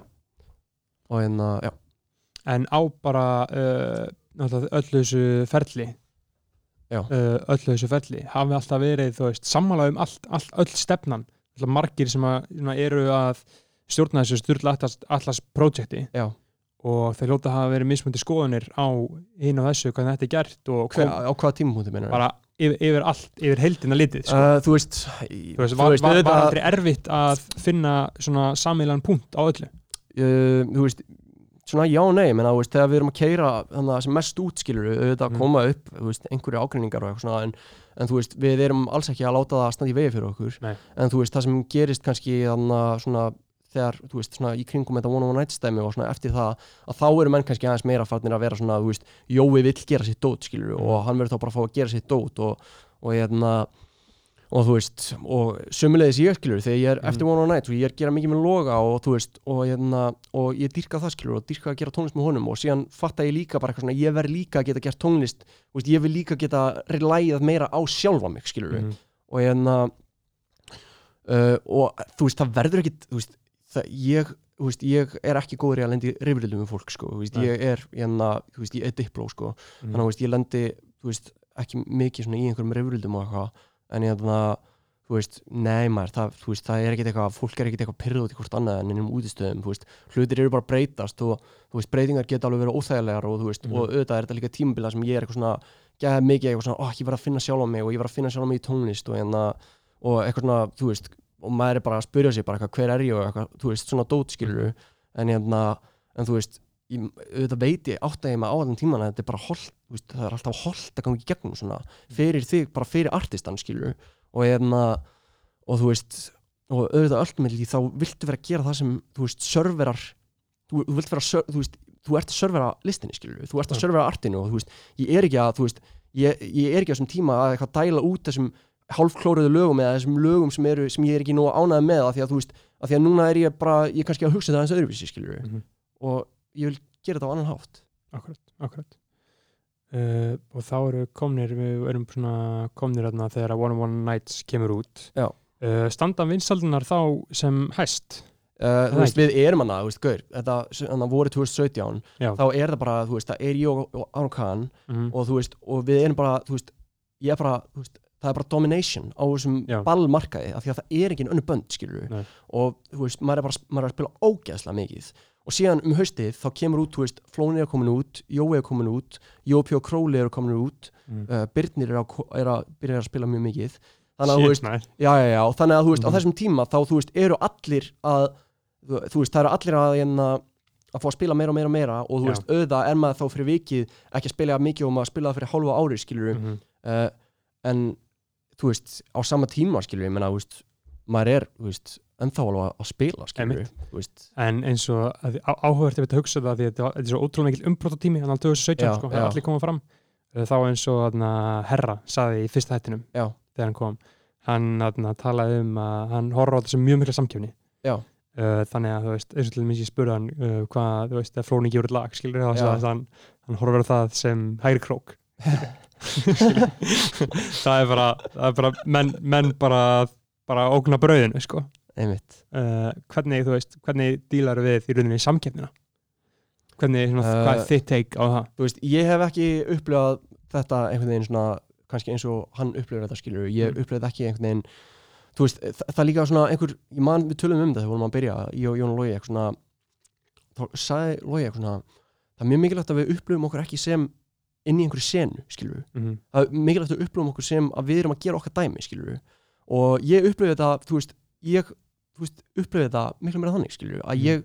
ég er að gera mitt dæmi og auðvitað, þú veist, obviously, maður skilur auðvitað alveg hvað hann meinar með því að, þú veist, að Mm. ef einhverja aðrir er að gefa út útrúlega vinsalt, þá fá þeir hérna, fleiri bókanir og eitthvað en þú veist, come on, skilur ég veist, ég, ég, veist, ég er þú veist, ég, eins og ég hugsa fyrir sjálf á mig, skilur þá er ég hérna artist, skilur Mhm. og ég hef bara verið það lánsamur skilur að frá ég klára listaskólan þá bara hef ég fengið að vinna við lista mín, listina mína skilur Mhm. og, hérna, og ég er bara ótrúlega þakklátur fyrir output frá öðrum listamönnum og listamönnum í kringum mig að sjá hvert þeir taka listina og sjá í hvað átti þeir taka hana því að það inspæra mig ógeðslega mikið skilur að hlusta á fucking Plutarnas flóna skilur að grínast hvað það gefur mig mikið og hvað inspæra mig mikið? Og gefur mig mikið að fylgjast með þessum görum vinna? Mm. veist, að sjá Aron Kahn frístala að sjá flóna vera að trappa í tölvunni sinni veist, að sjá Byrni vera að pæla í þessum rýmum skilur Mhm. þú veist þú veist, ég, ég, bara, ég var að gera mér sjálf eins og ógeðslega mikið óleik Mhm. með því að vera að hunsa þetta af því að Já. þú veist, ég vex svo mikið við að fylgjast með þeim Mhm. ég upplifði þetta þannig, skilur Já, maður.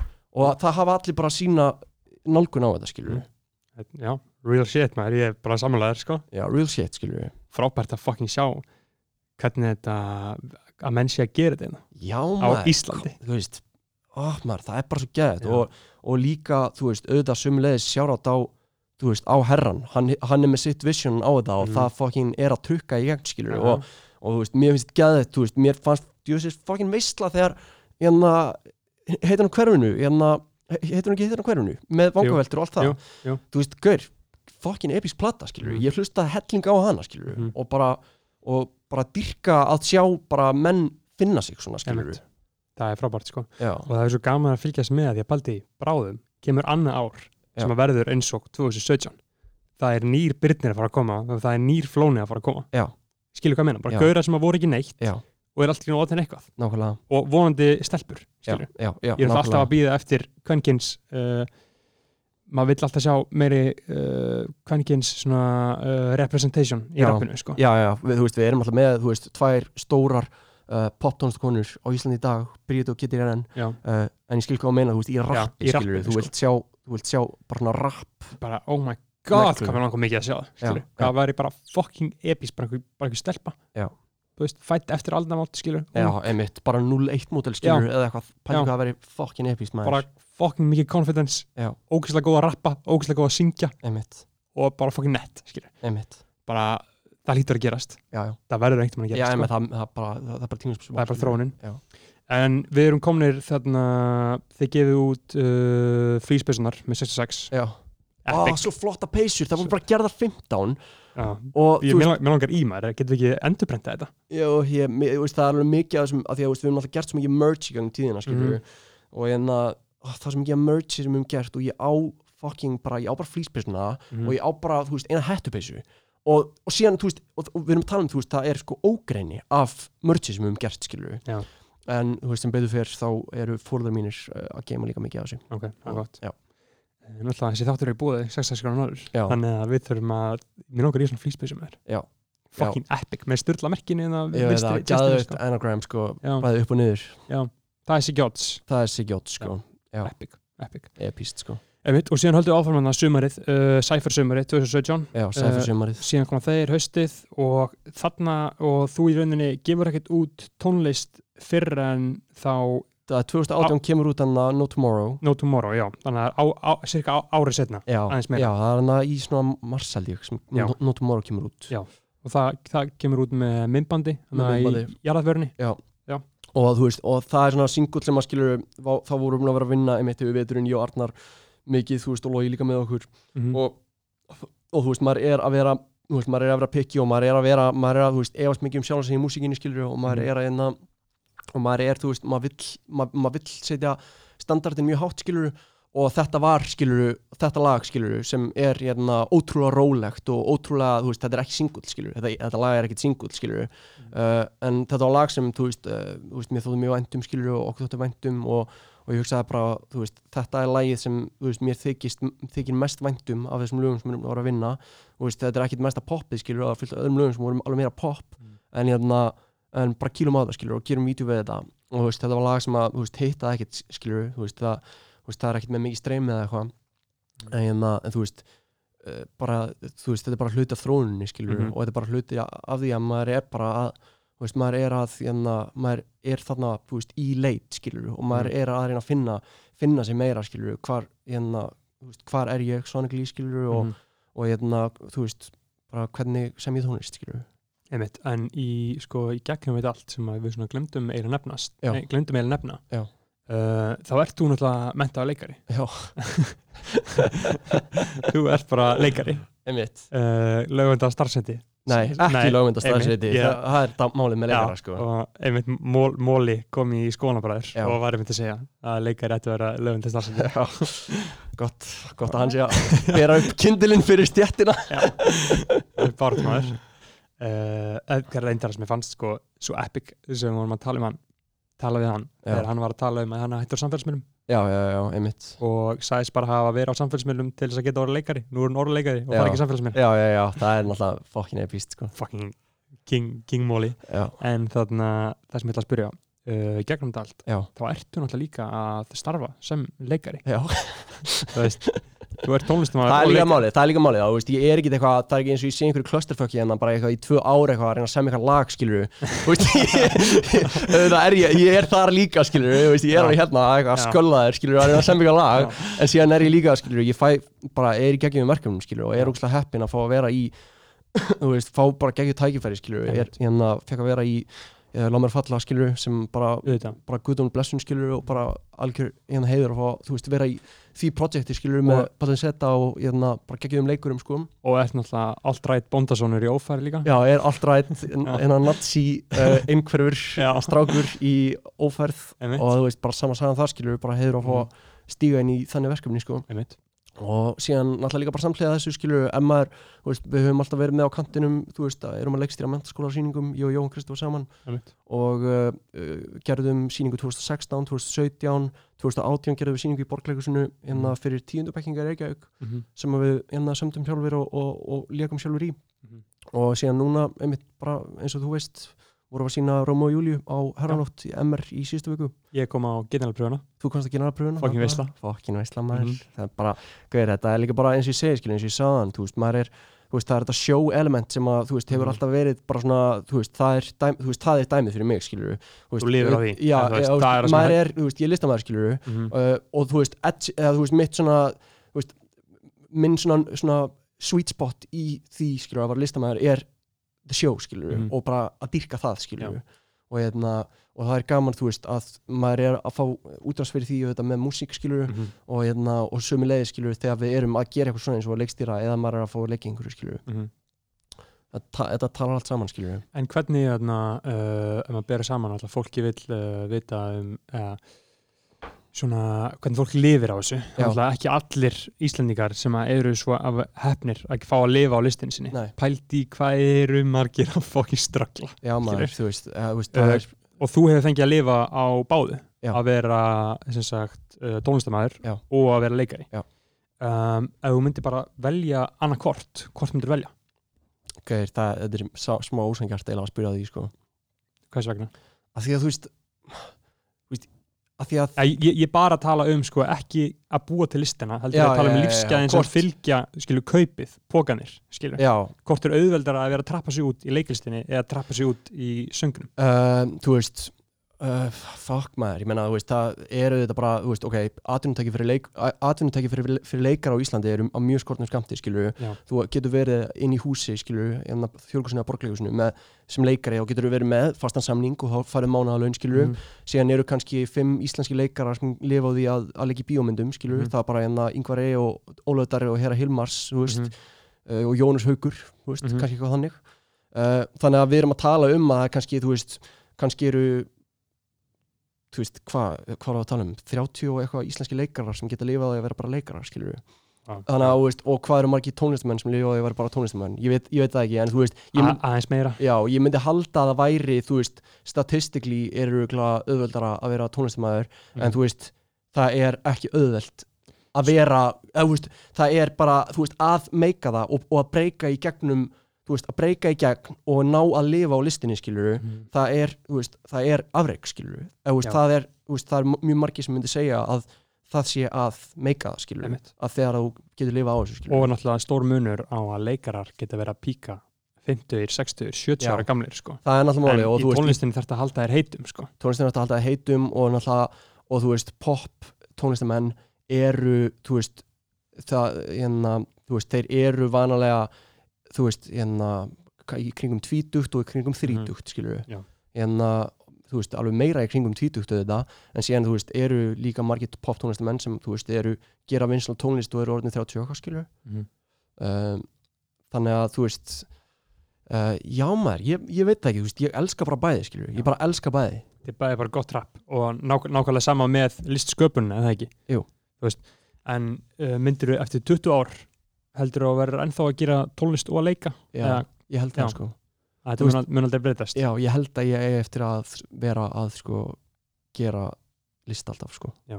eða þú veist, ég held það ekki, bara svona, þú veist, það er bara það sem Mhm. svona my gut tells me, skilur Einmitt. og, og þú veist og, og ég, þú veist, það sem að ég líka sé fram á að gera í framtíðinni, skilur er líka að stakka við mig og, og þú veist, og að gera þú veist, og að, að geta unni á fleiri miðlum, skilur Mhm. þú veist, núna er maður með þetta dæmi maður er leikari, maður er Mhm. söngvari, skilur Mhm. þú veist, ég vil alveg líka og, þú veist, maður er leiksturi, skilur ég hef gert sýningar, og útvarsmaður út- útsmaður, maður er entrepreneur Mhm. en þú veist, líka á einhvern tímabúndi, skilur þú veist, Mhm. ég vil alveg, ég vil gera bíómynd, skilur Mhm.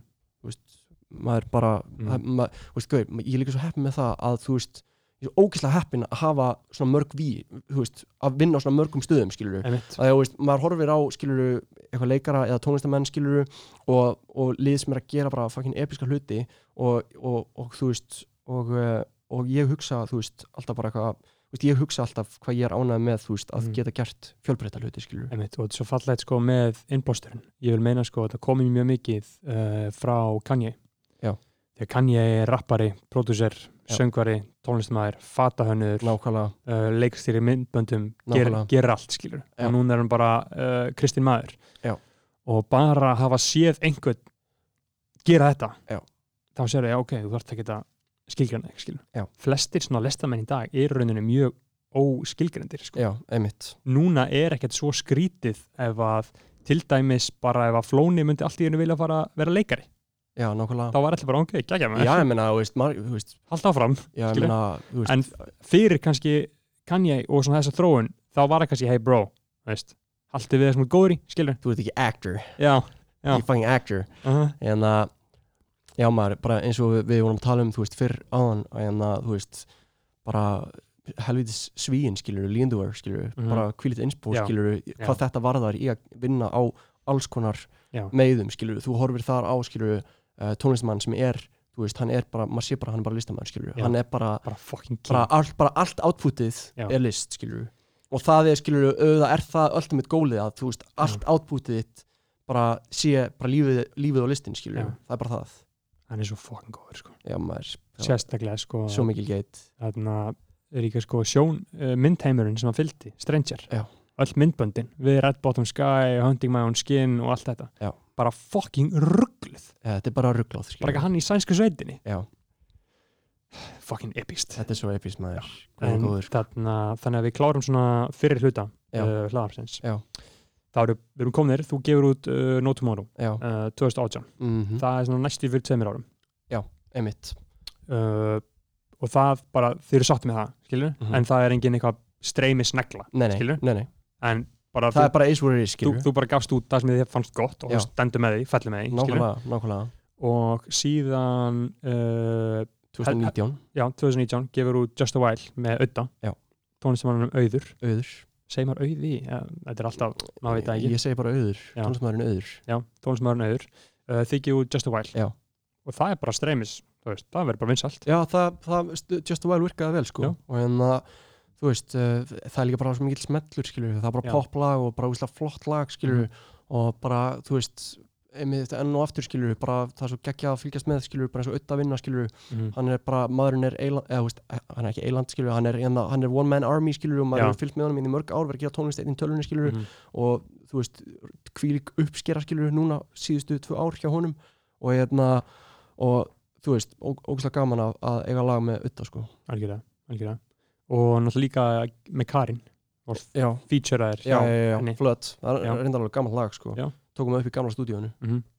gamla eh, gamla, gamla í þingoltanum sko. Bara eitthvað fyrir fjórum árum eða eitthvað. Já, þú veist, já, já, já, ok, nice, nice. Uh, einmitt, þú, er, þú hefur ekkert verið uh, að koma fram á annar manna lögum mikið? Nei, ég man alltaf bara í góð, versinu og einmitt, sko. einmitt, já, Já. hjá Joey nokkrum lögum á Joey sko. Uh, hvað er það eitthvað uh, hvers vegna? hefur það bara ekki gerst eða þú veist, er það, það er eitthvað sem að líka þú bara eitthvað svona, þú veist, maður er bara að syngja á ennsku og lið svona, daldið svona, held ég er þú veist, Já, það er líka það, Já, skilur, að já. ég, ég, ok, ég hef sungið á íslensku eða í gellu, eða þú veist, þá rappa ég en síðan hef ég aldrei sungið á íslensku, skilur einmitt, og það er, skilur, og þú veist það, ég hugsaði alveg líka fyrir sjálf mig, skilur, að ég Mhm. myndi ekkit vilja bara hoppa á eitthvað lag á íslensku einmitt og En- það væri bara introið mitt, skilur það myndi ekki mega sens Nei, þú veist, það, myndi, það myndi ekki Nei. virka fyrir mig, einmitt, einmitt. Uh, já, við förum aðeins yfir uh, íslenskuna á eftir Ok, það er stór hlutir að fara að gerast þar, ekki rétt já, bara, Já. já. bara, skemmtileg tilkynning skemmtileg tilkynning, um, þannig að já, ég meina þá eru bara búin að svona fara yfir þetta Ok. nokkuð vel. Ég fíla það. Tjóðlega erum við búin að gasa maður, einn og halvu tími. Fuck my life. Við, við erum hálnaðir bró, við erum hálnaðir Ok, uh, þannig að núna ætlum við að fá að uh, hlusta á lag, þú Ok. veist heimaðinu já, og það er að segja frá hvað er kraftbyrtingarljómur Guðdósins fyrir þér. Já, og þegar við uh, erum búin að hlusta það lag já. þá ætlum við að ræða þetta lag. Já. Og síðan ætlum við líka að ræða nýja tónlist ok, sem þú ert að fara að gefa út. Já. ég til í það. Og hún er öðruvísi en tónlist sem við gefa út áður. E, vegna þess að hún er á íslensku. Nákvæmlega, og þetta eru nokkur lög, fjölög fjölög, EP mm -hmm. á íslensku. Þannig að eftir að við heyrum þetta lag já, þá uh, tölum við það. Kraftbyrtingar hljómur Guðdómsins er í bóði 66 gráður norður þar sem Íslandinga fór sér hlý fött og margt annað og hambúrgarstæðanum Júsú á hverfiskötu 44 besti vegan borgari á Íslandi, í Reykjavík á Íslandi, bæði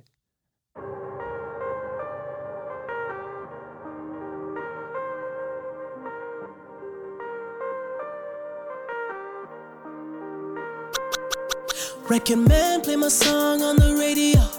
You too busy trying to find that blue I saw. I let my black hair grow and my weed smoke. And I sweat too much on the regular. We gon' let them hits fly, we gon' let it go. If it ain't next, so then it gotta go. I just won a new award for a kid show. Talking about a face, coming off a bag of blow. I'm like, goddamn bitch, I am not a teen choice. Goddamn bitch, I am not a bleach boy. Silence of the Lambo. Hit the gas so hard, make it rotate. All my niggas blew up like a propane. All these R&B niggas be so lame. Got a sweet Asian chick, she go long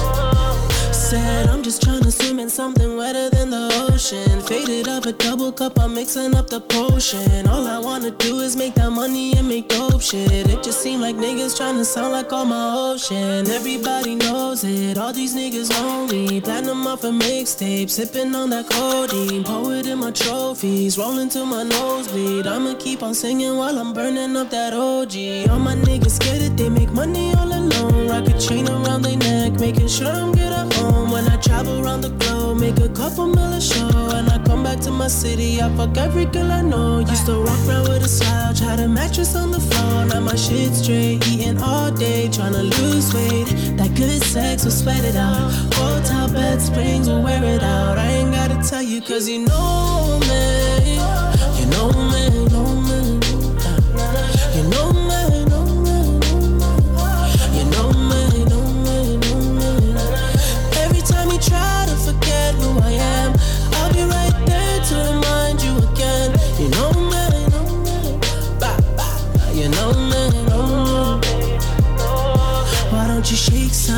Shake some, for the dawn? Don't you break none, break none, baby girl. Won't you work some, work some for the dawn? Don't you hurt none, hurt none, baby girl. Won't you shake some, shake some for the dawn? Don't you break none, break none, baby girl. Won't you work some, work some for the dawn? Don't you hurt none, hurt none? Cause you know me,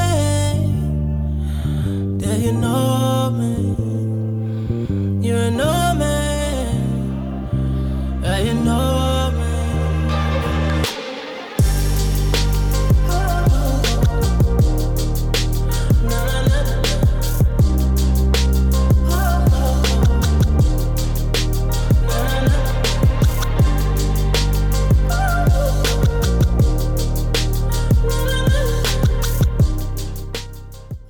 Jæja, já, já, okkarlega veistlan hérna hjá okkur. Þakklega Veislan, Reminder með The Weeknd. Reminder með The Weeknd. Já. uh, Hið fullkomna rapplag, hið fullkomna lag fyrir þér?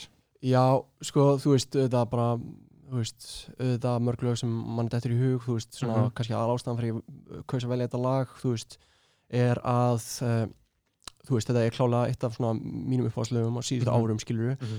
uh, þetta er líka bara sá artist sem ég myndi segja að hafi svona, svona á heldina litið þau haft mest áhrif á mig, sko, Já. svona í tónlist, sko og þetta er plötu sem þú veist hefur örgulega haft sömulegis mest áhrif á svona mig tónlistalega séð Starboy Starboy uh, og væpið mm er þarna skilur það, hann er að þú veist, veist ástæðan líka fyrir valda skilur þetta er ekki bara eitthvað poplag ég hefði alveg geta komið Einmitt. með bara innan No Tears Left to Cry skilur uh, en það er bara poplag skilur hann Mhm. er alveg, veist, það, þetta er alveg shit Já, sko. menna, þetta eru bars, skilur Já. og það sem er líka fucking veistlan í þessu, skilur og horfður á vídeo við þetta lag Mhm. og það eru bara rapparar í þessu, skilur það er bara dreikar þarna og Frans hérna- Montana Frans Montana og fucking Metro Boomin, skilur og náttúrulega líka, þetta er náttúrulega remixað uh, Young Thug og. A$AP Rocky remixið Þetta er, þetta er, er uppáhalds weekend lagið mitt þetta er uppáhalds nýju weekend lagið mitt já, já, ég skilur en að síðan er bara röddina svo fucking Já. maður, þetta fucking Já. djóki með maður og þú veist,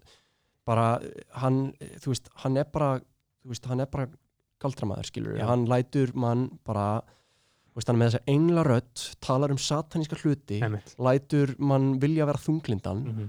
Þú veist, læ, lætur eins og það sé sko, eins og það sé Mhm. gott að vera þunglindur Einmitt. skilur, eins og það sé bara svona eitthvað svona sem ætti að vera markmið uh, og bara, þú veist, bara maður manni líður eins og sko bara maður ætti bara að vera í geta epilur allan daginn skilur Aha.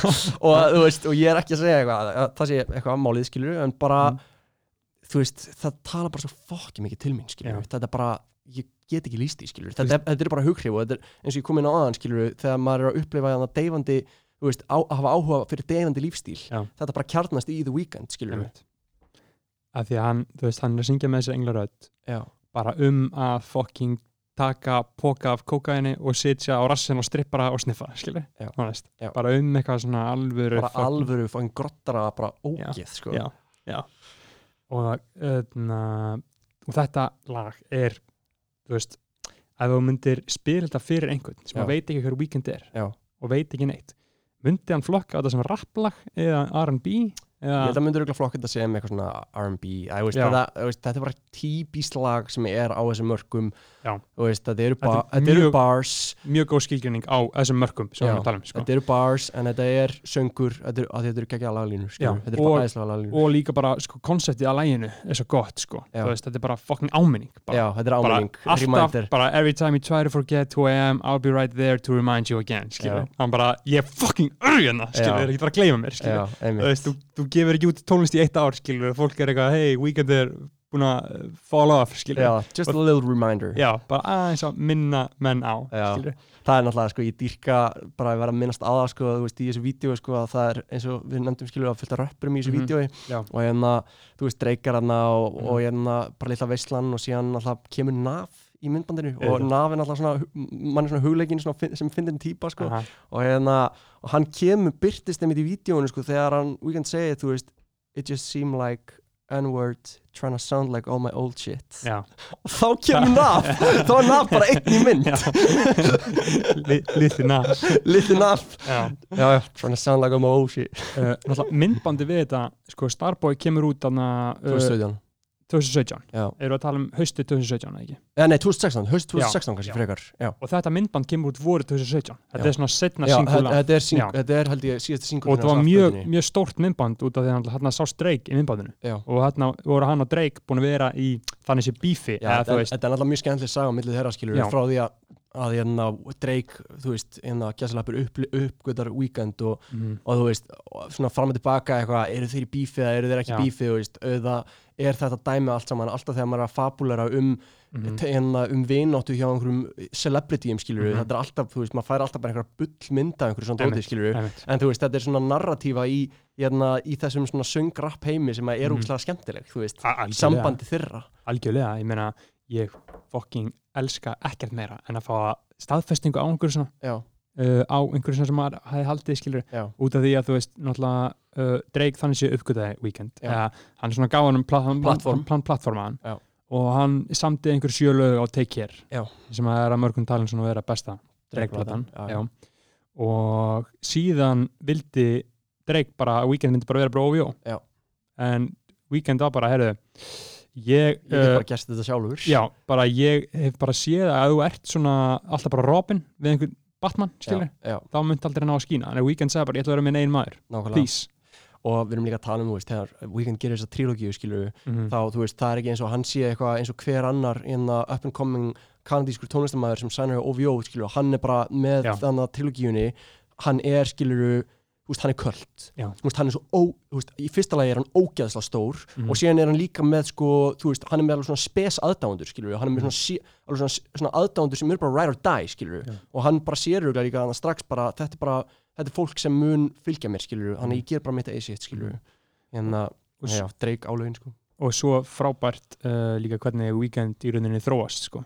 gæðveg þróun sko, út af því hann var bara, hann kemur hann bara ógeðslega dark. Ógeðslega dark. Uh, R&B, mm bara ógeðslegt. Já, ógeðslegt, bara, loft music já, high for this skilur, já, þetta er allt bara þú veist, þetta er allt bara eitthvað svona bara ógeðslegt dóp, klám, ofbeldi skilur og það sem er líka áhugaverðast við það og hvernig Weekend uh, hefur haldið sér. Og sí, síðan verður hann brjálu bara- brjáluð popsana sko. hann bara, hann bara bara can't feel my face og þá Já. verður hann bara brjáluð já, popsana það, það er 2015 ég man ennþá hvar ég var þegar að The Hills og Can't Feel My Face Já. þegar að hlusta á það, ég var eitthvað í Oslo í Norri og var bara hlusta á þetta aftur og aftur og aftur, og aftur, og aftur. já, já.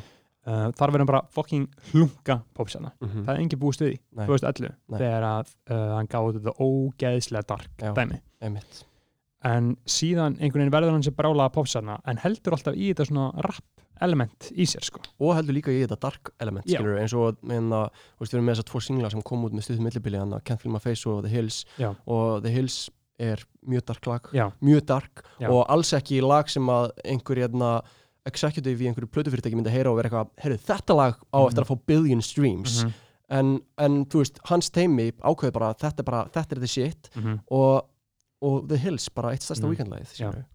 og það sem er líka svo þótt að Víkend sé bara stærsta popsarna í heiminum að það sé ekki stærsta kalkins að hann og Drake eru svona Drake er talsvert stærri en Weekend Drake er talið stærri en Weekend er hann svona hann er, hana, se- hann er seinni up there tíunum, skilur, hann er up there sko. Hann er svona eins og Justin Bieber er smá búinn að missa missa hans tök á þessu sko. Grey kallinn. Greiði kallinn hræðileg platan í á hræðileg fucking hræðileg Já. maður eins góða purpose var sko. Já, ógíslega leðileg og líka bara ógíslega leðilegt að sjá Justin Bieber. Ég horfði á hann Saint Lowe viðtalið við hann? Uh, já, ég horfði á það, það var hræðilegt. Já. og síðan horfði ég líka bara á YouTube heimildmyndina einmitt, ég líka. Og þú veist, þetta er náttúrulega æ, þú veist, þetta er er bara, þetta er bara tragedía skilur, þetta er bara sorgarsaga að fylgjast með þessum strák skilur, af því að veist, þetta er bara þú veist, þetta er ekki menns skilur, þetta er ekki fyrir neitt, þetta Nei. líf er ekki fyrir Nei. neitt skilur, hann hatar að performa Já. það sést bara á hann það sést bara, það sést bara á honum. Og þú veist, hann er bara með brenglaða heimsmynd. Hann er brenglaða heimsmynd og brenglaða sjálfsmynd og skilur, ma maður bara veit það bara með þekkjan að sjá hans hann bara hatar að performa. Já. og síðan var eitthvað managerinn að maður konan ekki, ekki, já, konan að konan eitthvað there's nothing in the world that he loves more than performing og þetta fólk er bara pína til að performa. Já, og, og ég meina, maðurinn er peningavél, skilur Já. Hann býr bara til endalsa peninga fyrir eitthvað, einhverja suits, Einmitt. þú veist, í einhverjum fucking, hérna, hjá einhverjum fucking leipulum, Já. skilur og, hérna, og þau bara, þú veist, hann er bara skilminga þrætt, Já. skilur Hann er bara eins og, þú veist, þetta er Einmitt. bara, hann er bara eins og Jackson eða eitthvað, skilur eins og uh, gott dæmi sem við erum búin að tala um í þettinum uh, og hún tala um Young Lee Náan Já. ég hlustaði á viðtal við hann, hann var í hérna, Trinity College í Dublin Já, ég, ég horfði á það líka og þar sagði hann einmitt þegar hann spurður sko, uh, fyrir hvað gerir tónlistina skilur Já. Og hann var að tala um hvað hann gerir fyrir aðdánduna eða markaðin eitthvað, hann sagðist bara pjúra að gera þetta fyrir sjálfan, Já. mig, sjálfan sig. En þá tók hann dæmi að hann getur gert það. Og síðan tók hann dæmi að Drake til dæmis mm þarf að gera tónlist sem verður vinsæl. Já. að því að tónlist hans þarf að seljast. Út af því einmitt eins og þú segir, hann er með hundra manns í vinnu. Já. sem eru bara að algjörlega reyða sig á peningin sem mun koma frá þessari tónlist. Já, merk sjúa, þú veist Já. listina, einmitt en já, aftur, aftur að uh, The Weeknd þá hann hefur aldrei farið í viðtal þú veist Já, ekki hann, hann, shit það, um er, við það Weeknd er Sane Low viðtal við The Weeknd sko. sem er ekki, Já. á, Jú- það er ekki YouTube en þú getur fundið Ok. okay. ádjóna og það Já. er meira en klukkutími ok, og ég, hef ekki, mæli bara með því þú já, veist, wow, ég hef ekki að- séð já, bara hlusta á það bara ef þú finnir MP3 hana því, bara Mhm. Sane Low Weekend einmitt, og hérna hann er þar, hann hefur komið í eitthvað svona GQ viðtalið eða eitthvað sem náttúrulega fer kannski ekki eitthvað svona allt og dýp en þú veist maður vill fá þetta þennan feeling, þú veist hérna podcast feelingin skilur akkurat og maður fær það smá í þessu Shane Shane Lowe Lowe viðtalið. já, en það sem er líka skilur einmitt geggja við Weekend skilur Mhm. svona contrary to Drake skilur mhm, að hérna hann hefur náð að vera fucking pure í sköpuninu sinni í Mhm. gegnum þetta og meðan Drake þú veist, hann auðvitað, hann er að gera þetta þú veist, og eins og, eins og ég hann að segja lóvitalina neða, ekki segja lóvitalina, þetta er hann að nýja vitalina hans Rapp breytar Já, Já. það sem maður sér eitthvað, já ok, hann er að gera þetta skilur og hann er að fokkin grænda þetta shit skilur Mhm. en, en þú veist, hann er líka bara hann er líka bara eins og þú segir skilur að gera tónlist fyrir einhvern veginn the big industry Já. og meðan maður bara finnur bara á weekend, hann er bara að gera fokkin, þú veist, hann Já. er bara að gera sína sitt shit skilur algjörlega sko. En Drake er náttúrulega líka bara síðan gefur Drake út lag bara fjóra mínútur sem hann rappar bara Já, og er ekki viðlag þess vegna elskar ég Drake svona fokkið mikið út af sé bara ok, beru virðingu fyrir því sem hann gerir. Já. þetta er- eins og bara til dæmis bara herra. Þú veist, gefur út poplöfin sín skilur, einmitt, sem að er ekki stílu á mig skilur, einmitt, en síðan gefur hún út bara eitthvað sem bara straight up rappar skilur. Þetta er bara góður millifur að fara sko. Að ná til uh, almennings, the masses mm og halda svona aðdándurum sem voru aðna alveg frá byrjun sko. nákvæmlega sko. En þarna, aftur að ég glinda að klára með það Justin Bieber, Saint Lowe vitali Já. ég er bara svona vorkind honum já, ég líka sko. Hann var bara eins og, er ekki sér Game of Thrones, hann var bara eins og rík í Game of Thrones, Theon Greyjoy eftir að Já. búa skýrendur hann hann hann var bara þannig í vitali Já. Bara svona, ú, greið kallinn og maður. greið kallinn og þú veist, þegar hann er að tala um þegar, þú veist, hvernig hann talar um Guð já, það er ótrúlega skrítið, skilur Já. það er bara, það er bara greið kallinn, skilur Já. það er bara, þetta er bara, það er bara sorglegt að fylgjast með þessu, skilur en að, já, bíberinn. King Bieber maður. Mm. en þarna, einmitt, almennt um svona uh, rapptónlist og tónlist. Já, hvað er svona, þú veist feitast að shiti sem er átt svona mest áhrif á þig Ég- við þá að segja að það sé The Weeknd og Aron Khan eða? um, sko, þú veist, stærstu artistinu mínir, skilur á Spotify of the Mhm. Decade, skilur, það er Drake, skilur Já. er Drake, Mm. og það er The Weeknd Mm. og, þú veist, ég hlusta ógst mikið á Roy Woods Epic, já hann er svo fucking góður og ég, eh, Ariana Grande er líka einn af þessum artistum, ég hlustaði Mhm. ógst mikið á plöðuninnar hérna Thank You Next og Sweetener Mhm. fór að sá hann live í Chicago í fyrra Epic uh, og síðan er Khan líka hana Já. og hann er mm, náttúrulega bara uh, þú veist, hann er bara magnaði skilju og þú veist, þú veist ég, ég satt að það skilju og, hérna uh, þú veist, hann er bara þú veist, hann er bara náttúrutalent skilju hann er bara Mhm. eins og Hilmi Snær er, mm. þið, þú veist, er leikari skilju Mm. og þú veist, ef Aron Kahn væri bara í bandaríkjunum þá var hann bara, þú veist, hann væri bara dreik skilju það er bara staðan skilju það ég meina það er bara staðan mm. en að þannig að ég myndi, þú veist, ég myndi segja svona í setni tíð skilju, auðvitað er það líka gett skipt skilju, ég meina þ- það sem hefur áhrif á mig í tónlistinu minni skilju, það er kannski að mestu, þú veist, einmitt þetta svona þetta svona pop dæmi skilju sem ég er að tala um núna ég meina, þú veist, það sem hefur áhrif á þessu tónlist sem ég er að fara að gefa út núna skilju, Mm. það er, þú veist, að mestu þú veist, Ariana Grande og mm. Weekend, skilur það, Já. þú veist, ég myndi segja að það þú veist, vá, hljóma kannski ekki eitthvað mest spennandi í heima því þetta er bara einhverju A-list pop í enna Mhm. drullur, skilur en þú veist, ég dyrka pop, skilur það er mitt dæmi, skilur og Mhm. ég, það er líka bara þessi þróun sem ég, þú veist, tölum um í fyrirlutunum sem er búin að eiga sér stað að þú veist, ég er bara svona búin að fatta meira og meira og meira að bara tónlistin sem ég elska, það er bara poptónlist, skilur Mm. og ég, þú veist, hlusta uh, þú veist, ég hlusta ekki mikið á rap. Og í gegnum tíðina ég hef, ég hef hlusta mikið á rap í gegnum tíðina en ég hef aldrei verið típan sem að fer í gegnum alla diskografíuna eins og þú veist að tala um með Jarlinn skilur Já. veist, ég er ekki típan sem að hérna, sem að þekkir hérna, þú veist, þróunna í rappi East Coast, West Coast, þú veist, Tupac, Biggie allt þetta dót skilur veist, ég, ég hef alltaf verið í kringum fólk sem að, sem hérna kannski þú veist, sem þekkir þetta, sem, sem fer í diskografínu og fer í núan svona. Og maður fær fyrir vikið alveg mikið bara að heyra svona, þú veist, það, hérna svona top layerinn, skilur Heil, svona heildar sínuna en ekkert beint ofan í allt Já, sko Já, ég, ég myndi svona dálítið lýsa svona, Já. uh, lýsa þessu þannig og þú veist, og ég, auðvitað er ég með mína artista sem að svona ég hef farið svona í núan svona áskiluru Mhm. en, að- en það er ekki eitthvað endilega eitthvað rap skiluru Nei. þú veist, en að þú veist, þegar ég er úlingur þá er ég bara að hlusta fokkin indie tónlist skiluru, ég er bara að hlusta Mm. á ég hlustaði, ég, var, hlustaði manist á hljómsveit sem heit, heitir Brian Jonestown Massacre. Og ég veit ekki hvort þú veist hvað það er. Jonestown Massacre. The Brian Jonestown Massacre. Þannig að það sem allir, þannig að stærsta fjöldi sjálfmorð í heimi. Já, já, Já. og það er semst ég er bara hljómsveit sem heitir eftir Já. þessu og það er bara einn, einn maður sem hérna, heitir Anton Newcomb og er hérna, við búum ekki á Íslandi sko Mhm. og hérna, hann semst hérna er bara svona maðurinn á bakveg þessu hljómsveit og ég, þetta er bara hljómsveitin sem ég, ég hlustaði manist bara algjörlega manist á þessu hljómsveit og þetta, þetta er bara svona þetta er bara svona gamaldags rock skilur Já. þetta er bara svona, veist, það sem er svipað með þessu og hérna og til og með poptónlist í dag er að þetta eru bara fjóri hljómar þú veist, Mhm. hljómagangurinn breytist ekki og það eru ótrúlega einfaldar poplaglínur sem að, þú veist, keira síðan lægið áfram sem gera lægið að lægi, skilur Já. Þetta er svona, þú veist, þetta er mjög stór hluti af tónlistur uppbyldinu mínu þessi hljómsveit og það Mm. er hérna stjúpfæð minn sem að sko kynna mig fyrir þessu sem að hérna, sem að, og þú veist, hann hérna Samdræðari hefur mjög mikil áhrif á sko hérna tónlistur uppbyldinu mitt, ég veist, Mm. ég hlusta í gegnum hann á Brandi Jóstum Asikar, hún sljóðstur eins og hérna uh, Joy Division þú veist, Mhm. Jeff Buckley hefur þú veist, mikið áhrif á mig sem, hérna, þú veist, sem er ótrúlega flott lög Mhm. Og síðan þú veist á sama tíma og, og ég er að hlusta á eitthvað rockdót, þú veist, Nirvana skilur hlusta Manis Down Nirvana líka þá er ég samt líka að hlusta á skilur eins og bara eins og ég nefndi aðan skilur eitthvað Rottweiler, ég hlustaði Mm. ótrúlega mikið þú veist á Eminem þegar platan hans kom út eða með hennar The Curtains er, tjaldið M&M show M&M show skilur og síðan er ég náttúrulega líka bara af pop tv kynnslóðinni skilur ég kom bara heim úr skólanum og maður negli pop tv í gang og þannig að þú veist það er líka bara eitthvað Justin Timberlake og hérna 50 Cent og þú veist og bara allt það dæmi bara DJ Khaled skilur Já. bara er bara hana þegar ég er í grunnskóla er bara ég er hana hustlin vídjónu skilur Mm. hann er bara að segja we the best þegar ég Já. er bara í sjötta bekk skilur Já, einmitt en að þannig að þú veist, það, ég er smá, þú veist, maður er smá þannig á milli heima, skilur Akkurat. rap og síðan rock og, og þú veist, þegar ég er í mennskóla, þú veist, þá er bara indie-bylgjan rosa stóra á Íslandi og þú veist, þá er hljómsveitir bara eins og hérna blockparty sem að, þú veist, bara ég hlust ótrúlega mikið á og, og bara öll svona Iceland Airwaves senan sem hefur Mhm. ótrúlega mikil áhrif á mann eitthvað svona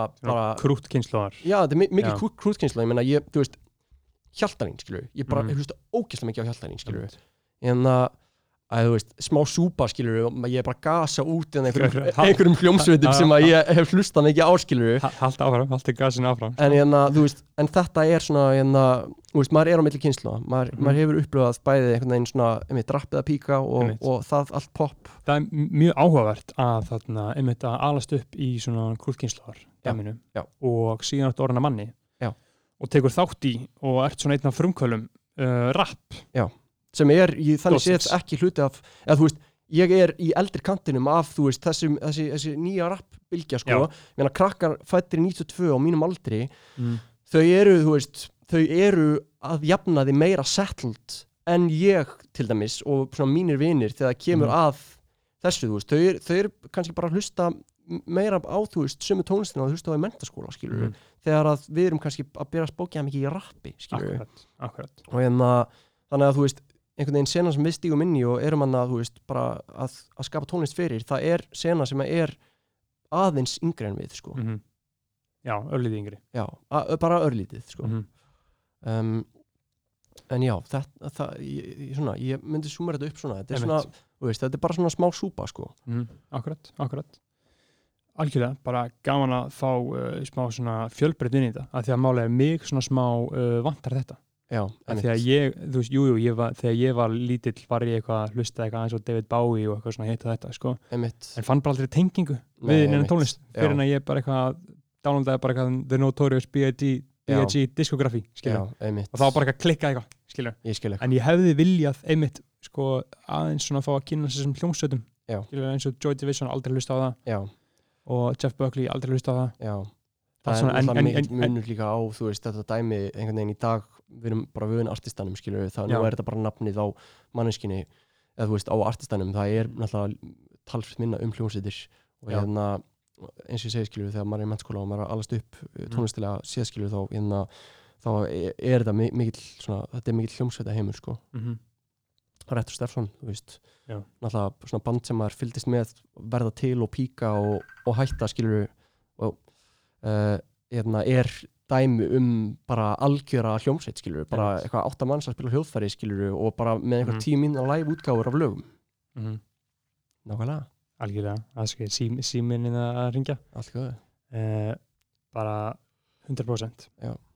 þá kannski það sem við ræðum Já. það sem við að ræða mm -hmm. við spilum lagið uh, og það er um, það er sem sagt nýja tónlistin, nýja tónlistin, fjórala EP fjóralega EP sem heitir?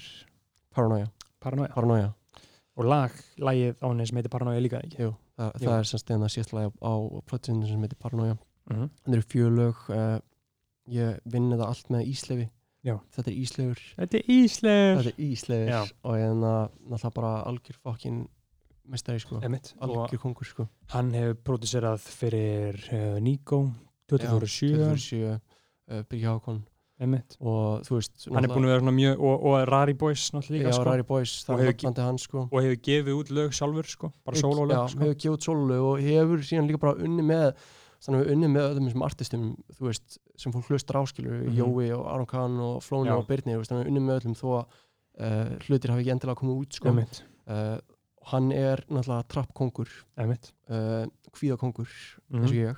Ég og hérna og sko og þetta er hann að þegar ég er búin að svona eins og við vorum að ræði fyrir hlutunum þegar maður er gangi í gegnum svona smá tímabil þar sem maður er svona að lenda á smá veggjum með tónlist og svona hvernig vil ég hljóma Mhm. að ég svona sirka út íslif og ég svona og ég áttum á að þarna er gauður sem að skilu mig skilur emitt uh, og ekki að ég hafi ekki verið að vinna með fólki sem skildi mig ekki áður Mhm. en, en ég áttum mig á að þú veist, þannig er gauður sem er bara hann var alltaf day one stuð alls fans skilur þannig að það Mhm. er útrúlega gaman að vinna með honum uh, og líka bara að, að þú veist, hann er úr austó skilur Einmitt. og það er bara, þú veist, hann er líka leikarabatn eins og ég skilur þannig að það er bara svona einhver tenging við bara, þú veist, ég við, við alveg svona skiljum hvern annan á einhver svona leveli að við þurfum ekki að ræða saman skilur Mhm. uh, þannig að þú veist, það var hann einhvern tímann 2018 sem að, svona, við kynnumst og við byrjum að gera hann nokkuð lög saman og við vorum að gera fyrst lög saman á ennsku og ég svona vildi dálítið binda enda á, mér langaði dálítið að binda enda á, þú veist, þess að ennsku tónlist með svona einhverju litlu projekti sem væri bara ég að syngja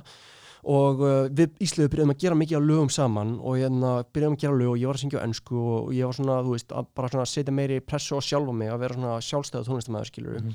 og hérna og síðan, þú veist, lendi ég bara í mómenti það sem að hérna, Jóhann segir við mig að hérna bara hann við mig bara eitthvað, Bjartur sko, uh, þessi lög sem ert að gera með Íslefi á ensku hérna, þú veist, þú þarft ekki alltaf að þú þarft ekki að vera að gera lög bara til að vera að gera lög þú getur líka að hugsa þetta sem þú veist, getur líka að hugsa þetta aðeins meira sem, þú veist, bara hvað viltu segja, þú veist, auðvitað hljómar þetta gett basic og auðvitað Mhm. veit ég vissi alveg þá að þetta væri rétt, skilur en það er fínt að fá þessa áminningu stundum að því að, þú veist, ég er þú veist, ég er leikari, skilur Mhm. og það sem að, þú veist, fólk svona með minn svona, þessa svona leikaramentin og leikaramentality, það er dálítið svona svona vinnu þjarka menning.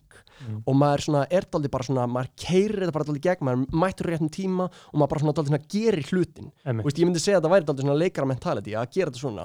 Þá bara mæ- mæta á æfingu og bara mætir, það er bara síning í kvöld skilur þú bara, fucking, bara mætir og það er bara síning og, og ég var kannski smá að trýta tónlist svona bara, Já, það er bara, bara- stúdíu í kvöld og nú bara fer ég og gerir lag. Ah, en ekki, the show must go on. Já Mhm. og, hérna, og, og bara núna ætla ég bara að fara að gera lag en Mhm. ekki, hérna, þú veist það sem að, það sem að Jóhann var kannski að benda mér á hana var, var kannski frekar líka bara uh, taktu frekar tíma, hugsaðu hvaða lag vil ég gera Mhm. hvað vil ég segja í læginu mínu og, hérna, og, veist, og þetta var eye-opener fyrir mig uh, og þú veist og var á þessum tíma alveg erfitt fyrir mig að heyra þetta skilur Já, þetta er fallegt, það meika, það meika mikið sens Já, það meika mikið sens og þú veist, bara, þú veist, náttúrulega bara Jói bara, þú veist, bara upphelds hérna bróðum minn skilur og bara Mhm. hefur hjálp hérna, stiðum stiðum, stiðumst Mhm. við einhvern annan skilur hérna uh, og bara ótrúlega mikil gjöf skilur að fá að heyra þetta skilur þegar maður er svona smá á, að lenda á veggjum og er smá lost Mhm. og það sem að, maður, og það sem að gerist smá, smá kjölfærið er að ég svona fer smá á núlpunkt skilur, ég er svona smá eitthvað, ok, hvað vil ég gera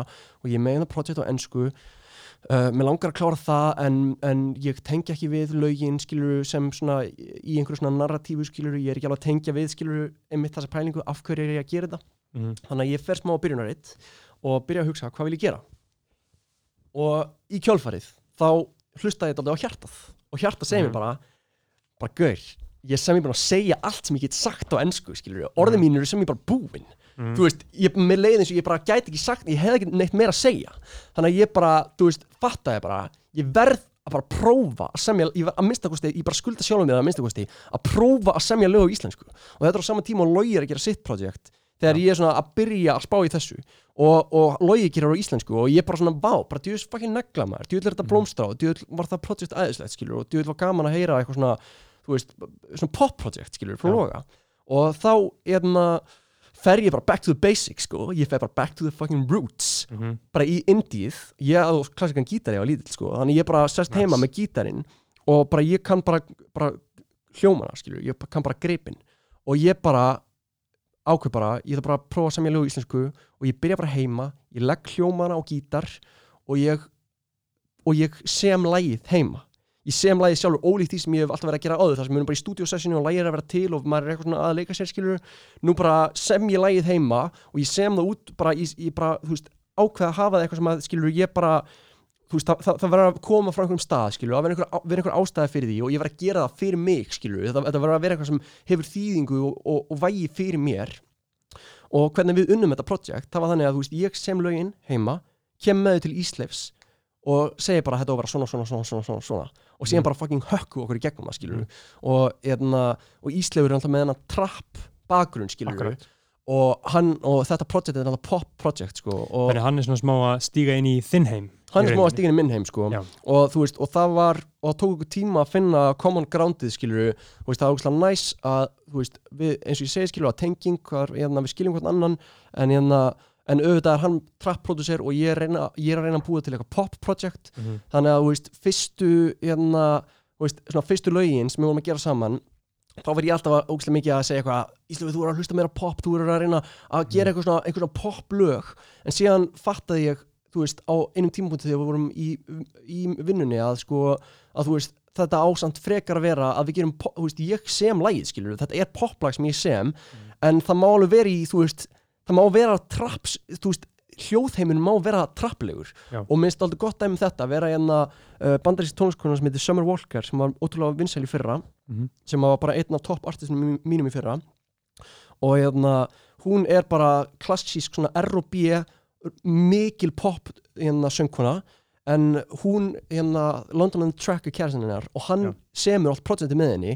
þannig að hljóðheimurinn er skiluru daldið, hann er daldið trapplegur en lögin eru poplög og þetta var sweet spotið sem við Íslefur fundum síðan á endanum og við, við sömdum fokkið mikið að lögum sko, þú veist, við gerðum Íslefur sagði endaginn eitthvað, "Ó, við gerum 25 lög eitthvað, Vá. I don't know skilur Mm. en, og ég var mjög picky skilur og ég var, og ég, þú veist, lögin sem standa eftir eru, þú veist það eru, þú veist, ég, þú veist, ég er ánægð með það skilur Mhm. ég, þú veist, Já. þessi tilfinning er hérna núna skilur og þú veist, ég get verið veist, ég get verið virkilega ánægð með þetta og ástæðan fyrir að ég vil hafa þetta EP en ekki single eða plata er að þú veist, þetta er, veist, þetta heitir, þetta er styrðað allar skilur, þetta er styrðað Mhm. allar með nýtt projekt Mhm. en þetta er nýr artist skilur Mhm. þetta er nýr artist, þetta er Já. á öðru tungumáli þetta hljómar allt öðruvísi þetta er bara, það er allt nýtt við þetta og ég pældi, þú veist, ég var með þess að umstundin pæli í því að bara að láta heita öðru nafn, að, þú veist, að ég myndi bara heita kannski bara Sigurbjartur, skilur Mhm. fyrir nafnum mitt Já. og en það en síðan bara er það svo fokki mikið sköl maður. Pældi hvað það var mikið sköl fyrir mig. Algjört vesen. Algjört fokki með þessi þannig að ég var bara, nei, ok, belum á því. En, Já.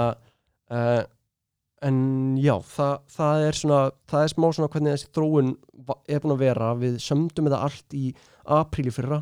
Þá bara gerðum við bara annað ógeðslega mörg lög. Mhm. síðan tókum við okkur smá pásu við sumarið og, og ég var eitthvað með svipin á mönnum að reyna að láta á, hérna, þú veist, finessa lögina því að þú veist, Já. Ísleifur er pródúserinn en ég var alltaf með pælingunum að einhver að- annar myndi mixa lögin sko uh, þannig ég var smá að reyna að kera það í gegn í sumar það var svona, uh, gegn smá hægt fyrir sig en, hérna, en síðan uh, náðum við að finessa það núna bara rétt fyrir ármót Mhm.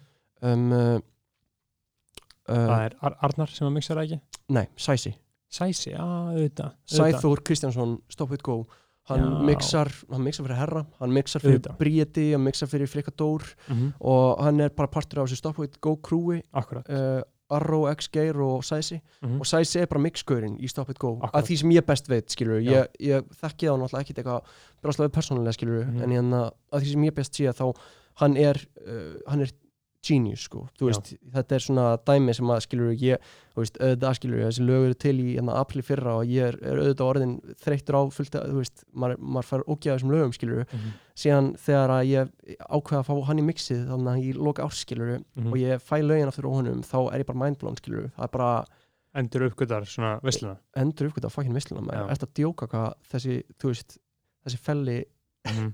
Góður er góður í Já. þessu og þú veist, ég en að og uh, án þess að þróa neinu sko uh, shade á neitt annan, ma- maður bara gaman að segja frá þessu skilur því að bara þetta bara, þú veist, bara að að að þetta er skemmtileg saga sko, þú veist, hérna, eins og Logi var með eitt lag sem að, hérna, Logi endur prodúseraði til með síðan Paranoia titilagi þá Já. á projektinu uh, hann endur prodúseraði og hann var að mixa það líka fyrst og síðan hérna uh, var ég búin að ákveða að singullin minn að ég var að ákveða, mér langaði að prófa að láta Sæsa mixa singullin og síðan ætla ég að láta bara einhverja aðra mixa hinni singullin, bara eitthvað loga og arnar og svona.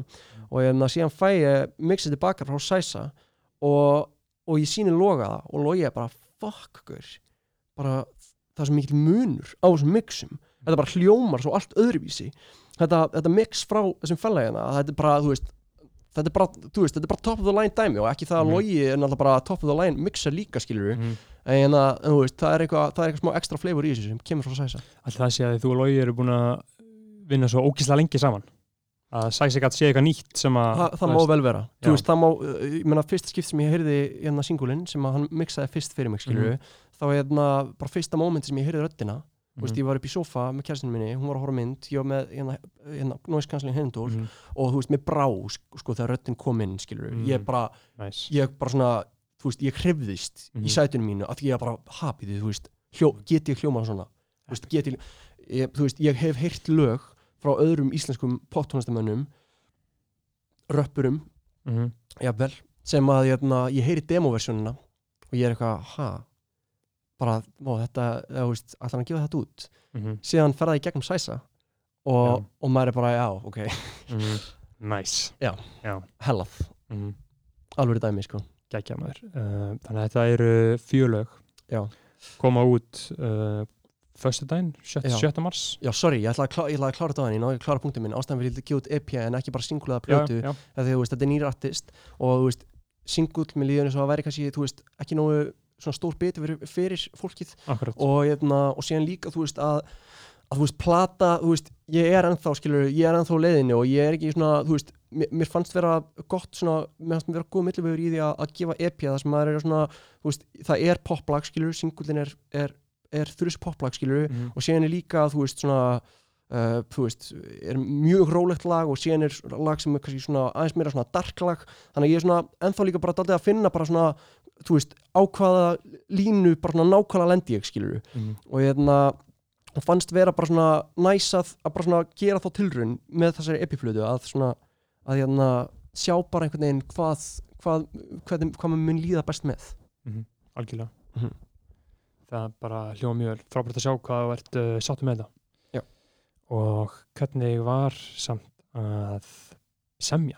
Og var það auðvildar að semja á íslensku eða varstu svo vanuð í að semja á Já. ennsku að, veist, hver, hver að munur þessu? það var öðlara sko Að semja í íslensku? Já. Já. Já. Hvernig það? þú kemst dýbra sko Já. að þetta er móðmálið þitt skilur og hérna kemst náttúrulega dýbra í pælingunum öllum skilur Einmitt. þú ert að segja eitthvað í læginu skilur og þú kemst skilur það sem að er þú veist þú ert í poppi og þú ertu með hérna ert með eitthvað viðfangsefni skilur eins og bara bara típiskasta viðfangsefni í poplægi er bara ástin skilur ástin Mhm. og, og, og, þú veist, og það sem að gera síðan þú veist, gott pop ástalag á góðu pop ástalagi er þegar þú getur verið specific, skilur, Mhm. þegar þú getur verið nákvæmur og farið aldrei svona þú veist, þú vilt geta verið, þú veist, almennur en samt líka mjög svona nákvæmur í því sem þú ert að segja, það er nákvæmlega þetta sem gerist og það var nákvæmlega svona og Mhm. það er það sem svona resonate aldrei vel hjá fólki. Og það sem að ég finn þegar ég er að semja tónlist á íslensku er að ég, get- ég get verið nákvæmari og ég get komist dýpara og þar að leiðandi einhvern veginn verður lægið þú veist, það fær að njóta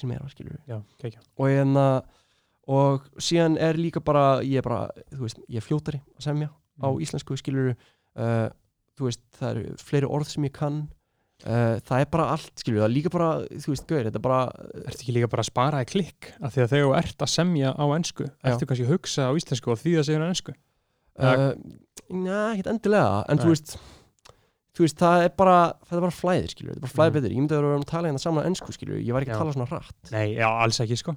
Og maður er alltaf smá, svona, það er alltaf smá filter á manni, sko. Já. Svona, já, að, út af því, ég held að sé út að maður er að þýði þetta. já, Maður hugsa á íslensku. einmitt og þú veist, styrla allaslög hérna, þú veist, er, af, af gamlu protestænum skilur uh, þú veist það, við, við erum með lagans time skilur sem er Mhm. bara, þú veist, ég er bara sem er bara, ég er bara dýrk og dái skilur og hérna er bara, þú veist, ég get, ég get ekki beðið um meira skilur Mhm. úr lægi, þannig séð uh, en uh, síðan erum við með líka fullt af öðrum lögum, þar sem að þú veist þar sem að pælingarnir eru réttar en síðan kannski, þú veist síðan kannski, þú veist, nær lægið ekki eins jafn langt og að myndi ná kannski, þú veist, út af kannski er hluti að því hérna tungumála Já. hérna barjerinn, skilur Mhm.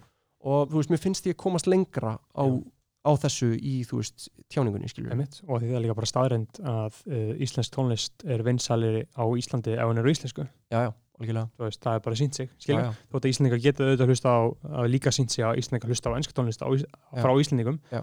en svona almennt séð þá uh, vill fólk hlusta á tónlist á íslensku. Já. þannig séð. Algjörlega, sko. Það er þannig. Um, já, þannig að það er svona tvent sem að mér langar aðeins að fara yfir uh, áður en að klárum sinna mm klárum þetta hérna.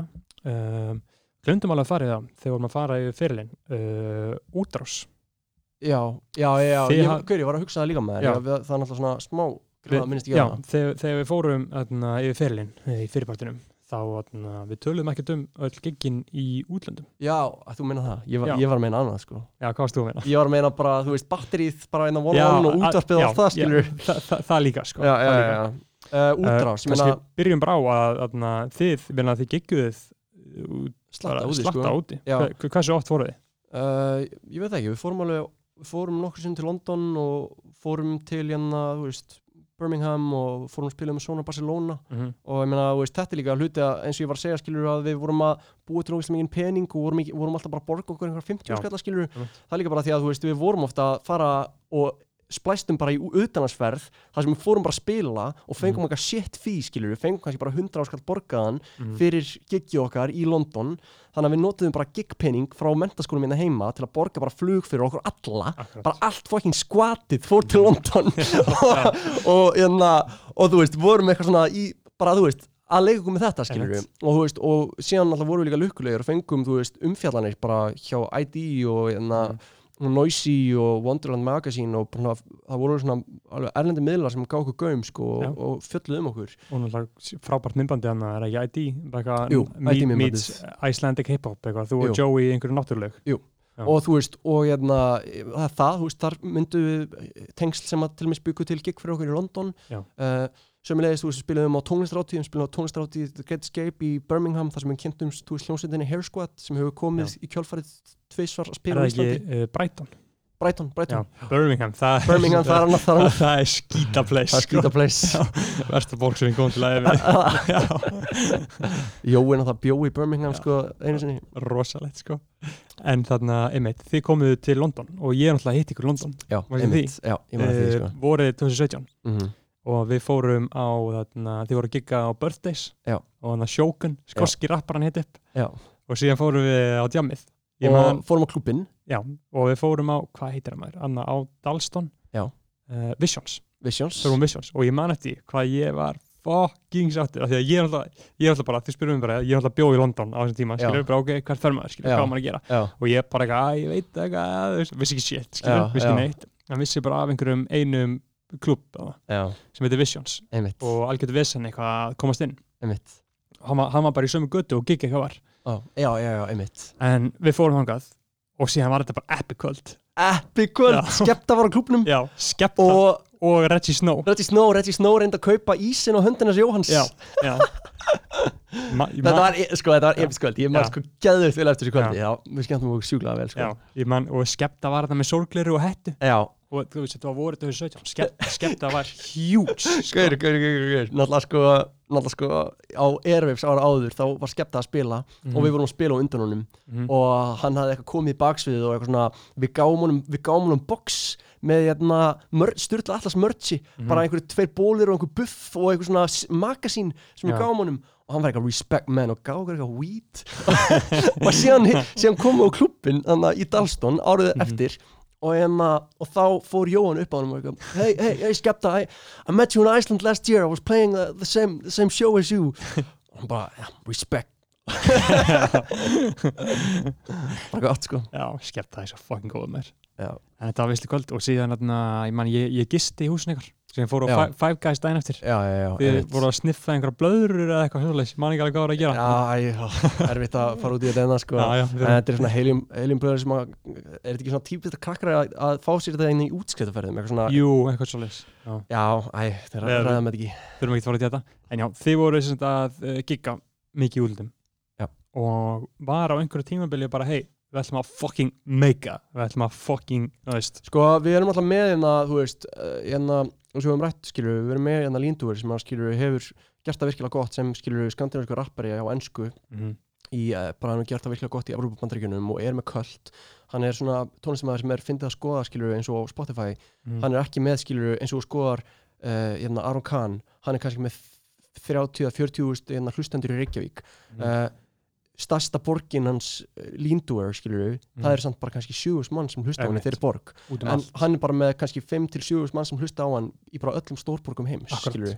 og þú veist, og hann var auðvitað mikil fyrirmynd uh, það sem að var auðvitað munin er að þú veist, við vorum svona, svona ótrúlega svona vinsal, vinsalt svona lokal akt skilur Mhm. uh, og auðvitað, þú veist, er, er maður með drauma eista og, hérna, og læt sér dreyma um Mhm. alls konar hluti uh, og já, já, ég meina auðvitað var maður á tímabili eitthvað svona, að það verði gett að, þú veist, geta þú veist, maður hugsaði oft um að, þú veist, kannski line upp einhverjum túr, skilur, Já. sem við gerðum svo sem alveg, skilur, eins og við spiluðum á einhverjum svona festivalum og fórum og spiluðum á Sonar í hérna, Barcelona, það sem Mhm. er svona næsta skref hefði kannski verið, væri að gera eitthvað svona, þú veist, þú veist, núna oktober þá eru tíu dagsynningar, París, London, þú veist, við fórum ekki, við fórum aldrei þangað, Mhm. en það hefði kannski verið svona næsta skref, skilur akkurat, en, uh, en já, bara, fer sem fer. Algjörða, það bara gerir sem að gerist sko. Um, þá þarna ég horfði á þarna skia viðtal og í bílnum. Skeið viðtal, já, já, þú veist ok. í bílnum Já. að já, uh, þar er uh, fallega hlut. Þarna svo spurður hverju ertu stoltastur af? Já. og þú gast í raunin ekki nefnt einhvern eitt hlut eitthvað eitt lag eða eitthvað. Heldur talaðir í rauninu bara um Já. og það sem að þú og bestu vinni þínir uh, eru búinir að byggja. Mm hérna, sem að við setjum núna hérna á nákvæmlega. í One og Wonderland. Já. og hérna eru við með stúdjó mm og útvarstöð Já. og símfyrirtæki Já. og framlýslufyrirtæki nákvæmlega, sem hefur allt bara verið byggt á nokkrum árum. Já, í rauninni.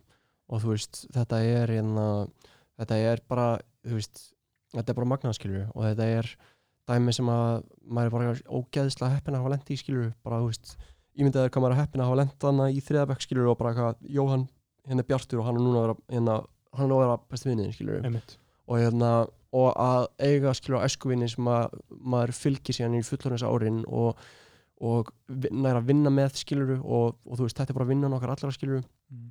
við erum bara hérna og við erum bara að vinna í alls konar verkefnum sem að svona eru að mestu svona beisuð út úr þessari miðstöð uh, og ég þannig að og þú veist, og þessi hugmynd kom hann einhvern tímann 2016-ish að hérna stopna útastöð og þetta var lengi í pípunum og, og þú veist og bara, þú veist, þetta er í grunninn skilur, eins og eins og ég var að segja skilur, þá er þetta allt einhvern veginn sami hluturinn skilur, frá því að maður er að, búa til eitthvað hæp fyrir hérna fyrsta styrla alls projektinu á sínum tíma upp í að hérna, við erum að búa til hérna svona fjölmiðalfyrirtæki skilur, þetta er veist, þetta er kert á sömu orkunni skilur mm. þetta er bara, þetta er búið að vera skilur, þessi vekkferð hófst í rauninni þannig skilur og hérna og þú veist, þetta er bara veist, þetta er bara æfistarfið skilur veist, þetta er bara hérna, þróa þetta. Já, þetta er það sko. Þá í gegnum allt þá fjölmiðlun, tónlist, leiklist. Já, ég meina, þú veist, maður er, þú veist, það sem er svo geggja við þetta er að maður er búin að búa til batteri, við erum búin að búa til batteri, mm. það sem að, þú veist, sem er plattform fyrir ógeðslega mikið af fólki, ógeðslega mikið af fólki getur komið inga inn og gert sinn hlut, þú veist, ég persónlega hef kannski getið eitthvað, hérna, minn sweet spot er ekki endilega fjölmiðlun, skilur, þó svo ég, hérna, vinni líka í fjölmiðlun, skilur, þá minn Mhm. sweet spot kannski frekar eins og við verið að ræða, bara sjóið, skilur, en, en þú veist, mér en þú veist, það eru þetta partur af, af, af skilur mínu ferli og það er útrúlega, þú veist, mér þykir útrúlega væntum að hafa búið til einhvern plattform sem gefur, skilur fólki líka stökkpattin að, þú veist, að stíga þá inn í það umhverfi ef það er það sem það vil gera, skilur, fjölmiðlun eða, eða er það, hérna, einhver, þú veist videogerð, skilur, sem maður getur Mhm. gert þá hérna í fyrirtækinni, í, í One One Production, skilur eða, eða er það að koma einhver að gera tónlist og það er bara geggja að hafa verið sko partur að því að byggja þetta upp, skilur mm. og hérna og já, það, það snilt Já, fucking snilt, Já. sko bara mikil vinna, skilur mm.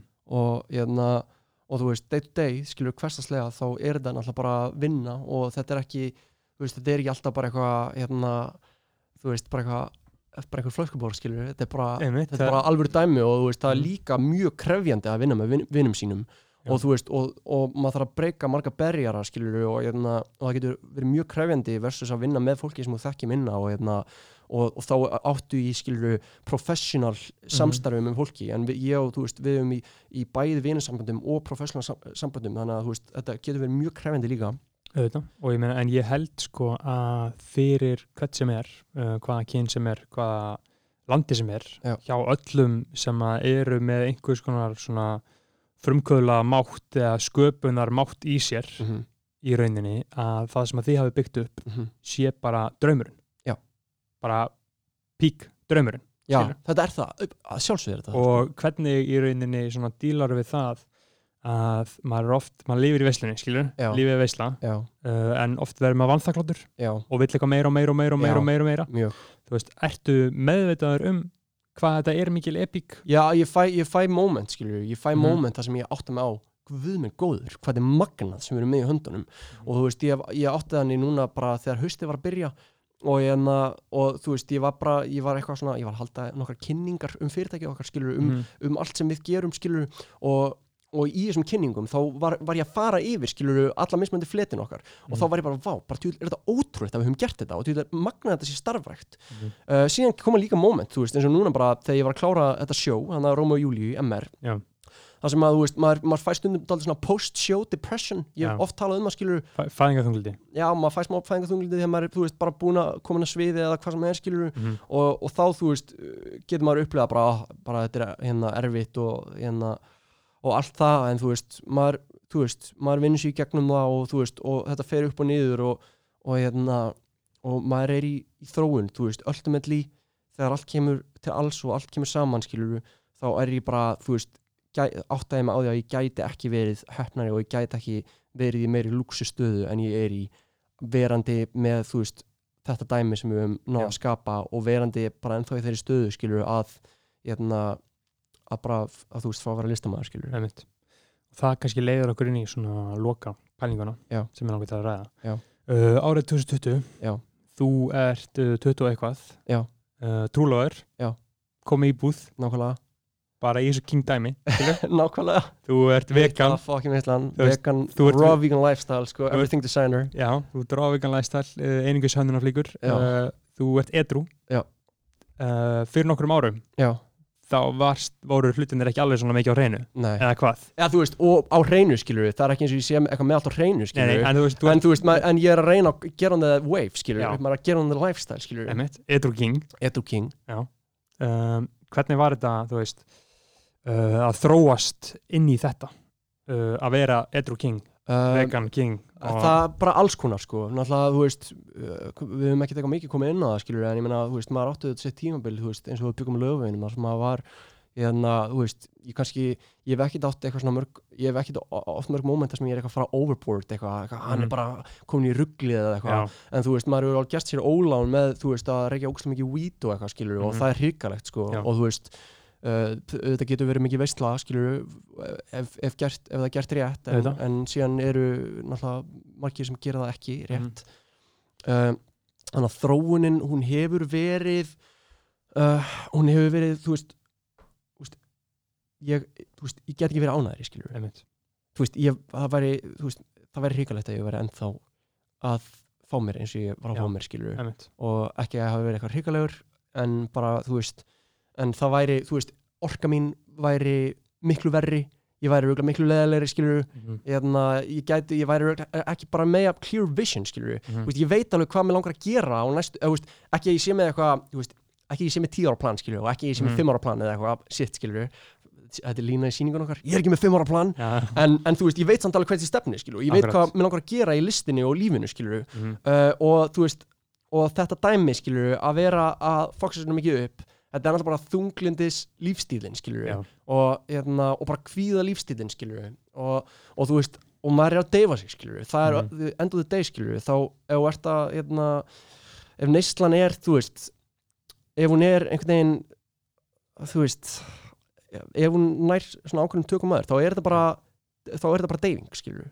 beislaði púkan bro. Ha, beislaði púkan bro. Beislaði púgan bruh Mhm. þú veist, það eru margir að nútið sem þurfa að læra beisla púgan já, uh, og hérna, þú veist, ég er bara þakkláttur fyrir að, að það hafi ekki verið, þú veist, enn meira mál fyrir mig Einmitt. en það var, af því að þú veist, það, það hefur alveg verið uh, þú veist, það hefur ekkert verið bara eitthvað dans og rósum að beisla púkan, skilur einmitt. En hérna, en við erum að vinna í því skilur, dag fyrir Já. dag. Bara eitt dag einu, bro. Einn dag einu sko. En þarna, þegar þegar þú hættir að, þú hættir, hættir að drekka. Ég hætti að drekka bara því að þú veist, ég var farin að drekka svo lítið. Já, þú veist, það var bara ég var bara eitthvað, þú veist, var að drekka bara eitthvað örsjaldan, mm þú veist en að, það kallaði aldrei á mig að vera að drekka Nei. áfengi, skilur ég var meira fyrir að smoka weed, Einmitt. mér fannst það skemmtilega og en að og síðan bara kom að því, bara ég var í einhverju partí og, og Logi var eitthvað, af hverju farið ekki bjór? Og ég eitthvað, uh, og eitthvað, fegð mér bjór? Og síðan var ég eitthvað, af hverju er ég að fá mér hann bjór? Og þá segi ég bara, nú ætla ég bara, ég ætla bara að prófa að sleppa því að drekka í þann tíma. Mm. og síðan bara, þú veist, here we are það eru liðin 2,5 ár, skilur við Mm 2,5 ár síðan ég, ég hérna tók þessa ákvörðun. Svo mikið veisla. Uh, en síðan reyndar núna um helgina var ég eitthvað fegð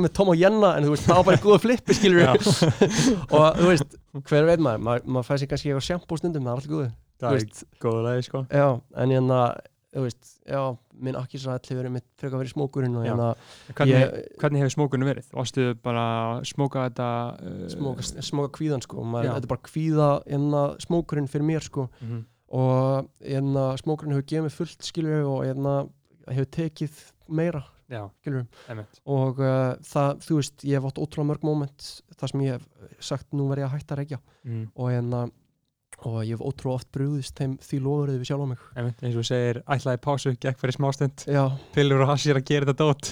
Nákvæmlega. Mhm. og þú veist, ég sagðist að fara í meðferð um þrítugt Já. en hérna, ég held að það mun ekkert verða þessari meðferð. Nei, nei, þú þarft þess ekki, sko. Nei, en hérna já, sko, þú veist, ég bara þú veist, ég tók mér eitt ár þar sem ég ger ekki neitt, sko var bara algjörlega edru Mm. uh, og síðan prófaði eitthvað aðeins aftur að smóka og þú veist, og, æ, veist, það var bara sökkað, skilur já, þú veist, var, þú veist, það var alltaf læg, skilur ég bara eitthvað, bara fyndið að vera eitthvað freðin að horfa sci-fi mynd, skilur uh, en síðan bara eitthvað er það líka sökkað, skilur og, það, og, líka bara að reykja weed, skilur það, þegar þú ert honum fullorðin, ég er 27, skilur það verður held ég fyrir flesta minna næs að vera freðin þegar maður er fullorðin, skilur uh, þannig að, þú veist, þetta er bara svona tímabil sem er bara svona, já, já, þú veist, maður er bara búið með það, skilur mm. það er líka bara, þú veist, það er næs að vera búið með að pakka og vera ekki, þú veist, ég er ekki ánum þrítur, skilur það er svo Mhm. mikið að gaurum, skilur mikið að gaurum og kynnslóðinu fyrir og mig, skilur og kannski í lið sem er fætt eitthvað 70 og eitthvað 70 og eitthvað, 60 og eitthvað og það hætti að drekka þegar það var, skilur, að nálgast færtugt Já. og allt svona dæmi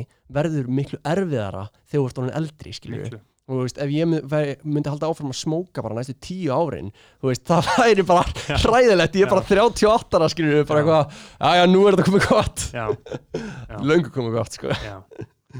Uh, þetta er það, ég held að við bara endum þetta á þessum uh, heilla orðum. Já. til æskunar og til gúrsana Já, til gúnsana, bara, þú veist. Sko ég segi alltaf að krakkar eigi bara djámi gegnum mentaskóla, Já, fara í útskriðverðina já, fokking klára þetta já. og hætta. Bara ándjóks, byrja að huglega mm -hmm. Byrja að, hérna, fara í, þú veist, jóka og ræktina og borða, þú veist, ferskan mat, skilur og, þú veist, ekki borða ekki borða eitthvað sem þú hefur þetta að drepa til að til að þú getur borða það. Þú, veist, það er svona einhver byrjanarreitur, skilur Akkurat, og, akkurat. og, hérna, og þú veist og þú veist, þú munt vera ferskri þú veist, þið mun líða betur og þú veist, hvað er endgameið hjá þér, skilur veist, hvað En, en málega sko eins og við erum að tala núna skilur, segja krökkum eitthvað að vera vegan og hætta að smóka, hætta að drekka. Já, en ég, mér líður sko að því að núna svo mikið að svona úrkynniðar í sjálfsjálf hann úti. Já, Að- oi maður, þetta er fucking nasty, Já, sko að fólk heyri allt svona bara og rebelli enn meira já, á móti já, sko, einmitt. Sem ég er hrættur um. Þess að segja um enn uh, drektu, Já. Skilur en Mhm. verður bara meðvitaður um það skilur, já, einmitt. Mjög meðvitaður um það. Mhm. uh, ekki uh, ekki fara í blackout skilur, drektu bara svona skinsanlega Mhm. uh, smókaðu skungin ef þú fíla fíla þú já. Hann er ekki allra, sko. en ég vil meina sko að menni er inn að byrja að smóka skungin ekki fyrir en eftir mentaskóla Já, please, sko. Þú ert of ungur, Já, 17, 18 ára sko, ég meina, þú veist. veist, uh, það er bara svo satt, sko. Skungurinn er góður en hann er, getur Hann er mjög mjög krefjandi, sko. Hann getur verið mjög harður húsbóndi. Það getur verið mjög, har- hann bara slæm, þú veist, það var einhver sem sagði um bara, hann er bara slæma frængan, sko. Þú veist, Mhm. alveg fyndið að fá, hérna hérna brjálaða frængan sem kemur í heimsókn og er, Mhm. er bara eitthvað alveg fyndið að fá hana, þú veist, hún getur alveg komið í heimsókn um jólinn og um páskana, skilur Mhm. en þú vilt ekki að hún sé hann á hverjum degi, eitthvað Þetta er að þar, skilur uh, heyrðu, ég held að við bara segjum þetta gott í dag. Ok, maður, takk fyrir mig, bara epíst að vera hérna. Gauð, bara fókin takk fyrir komuna, gaman að fá þig. Let's go. Það er gott bró, assalamu alaikum. Assalamu alaikum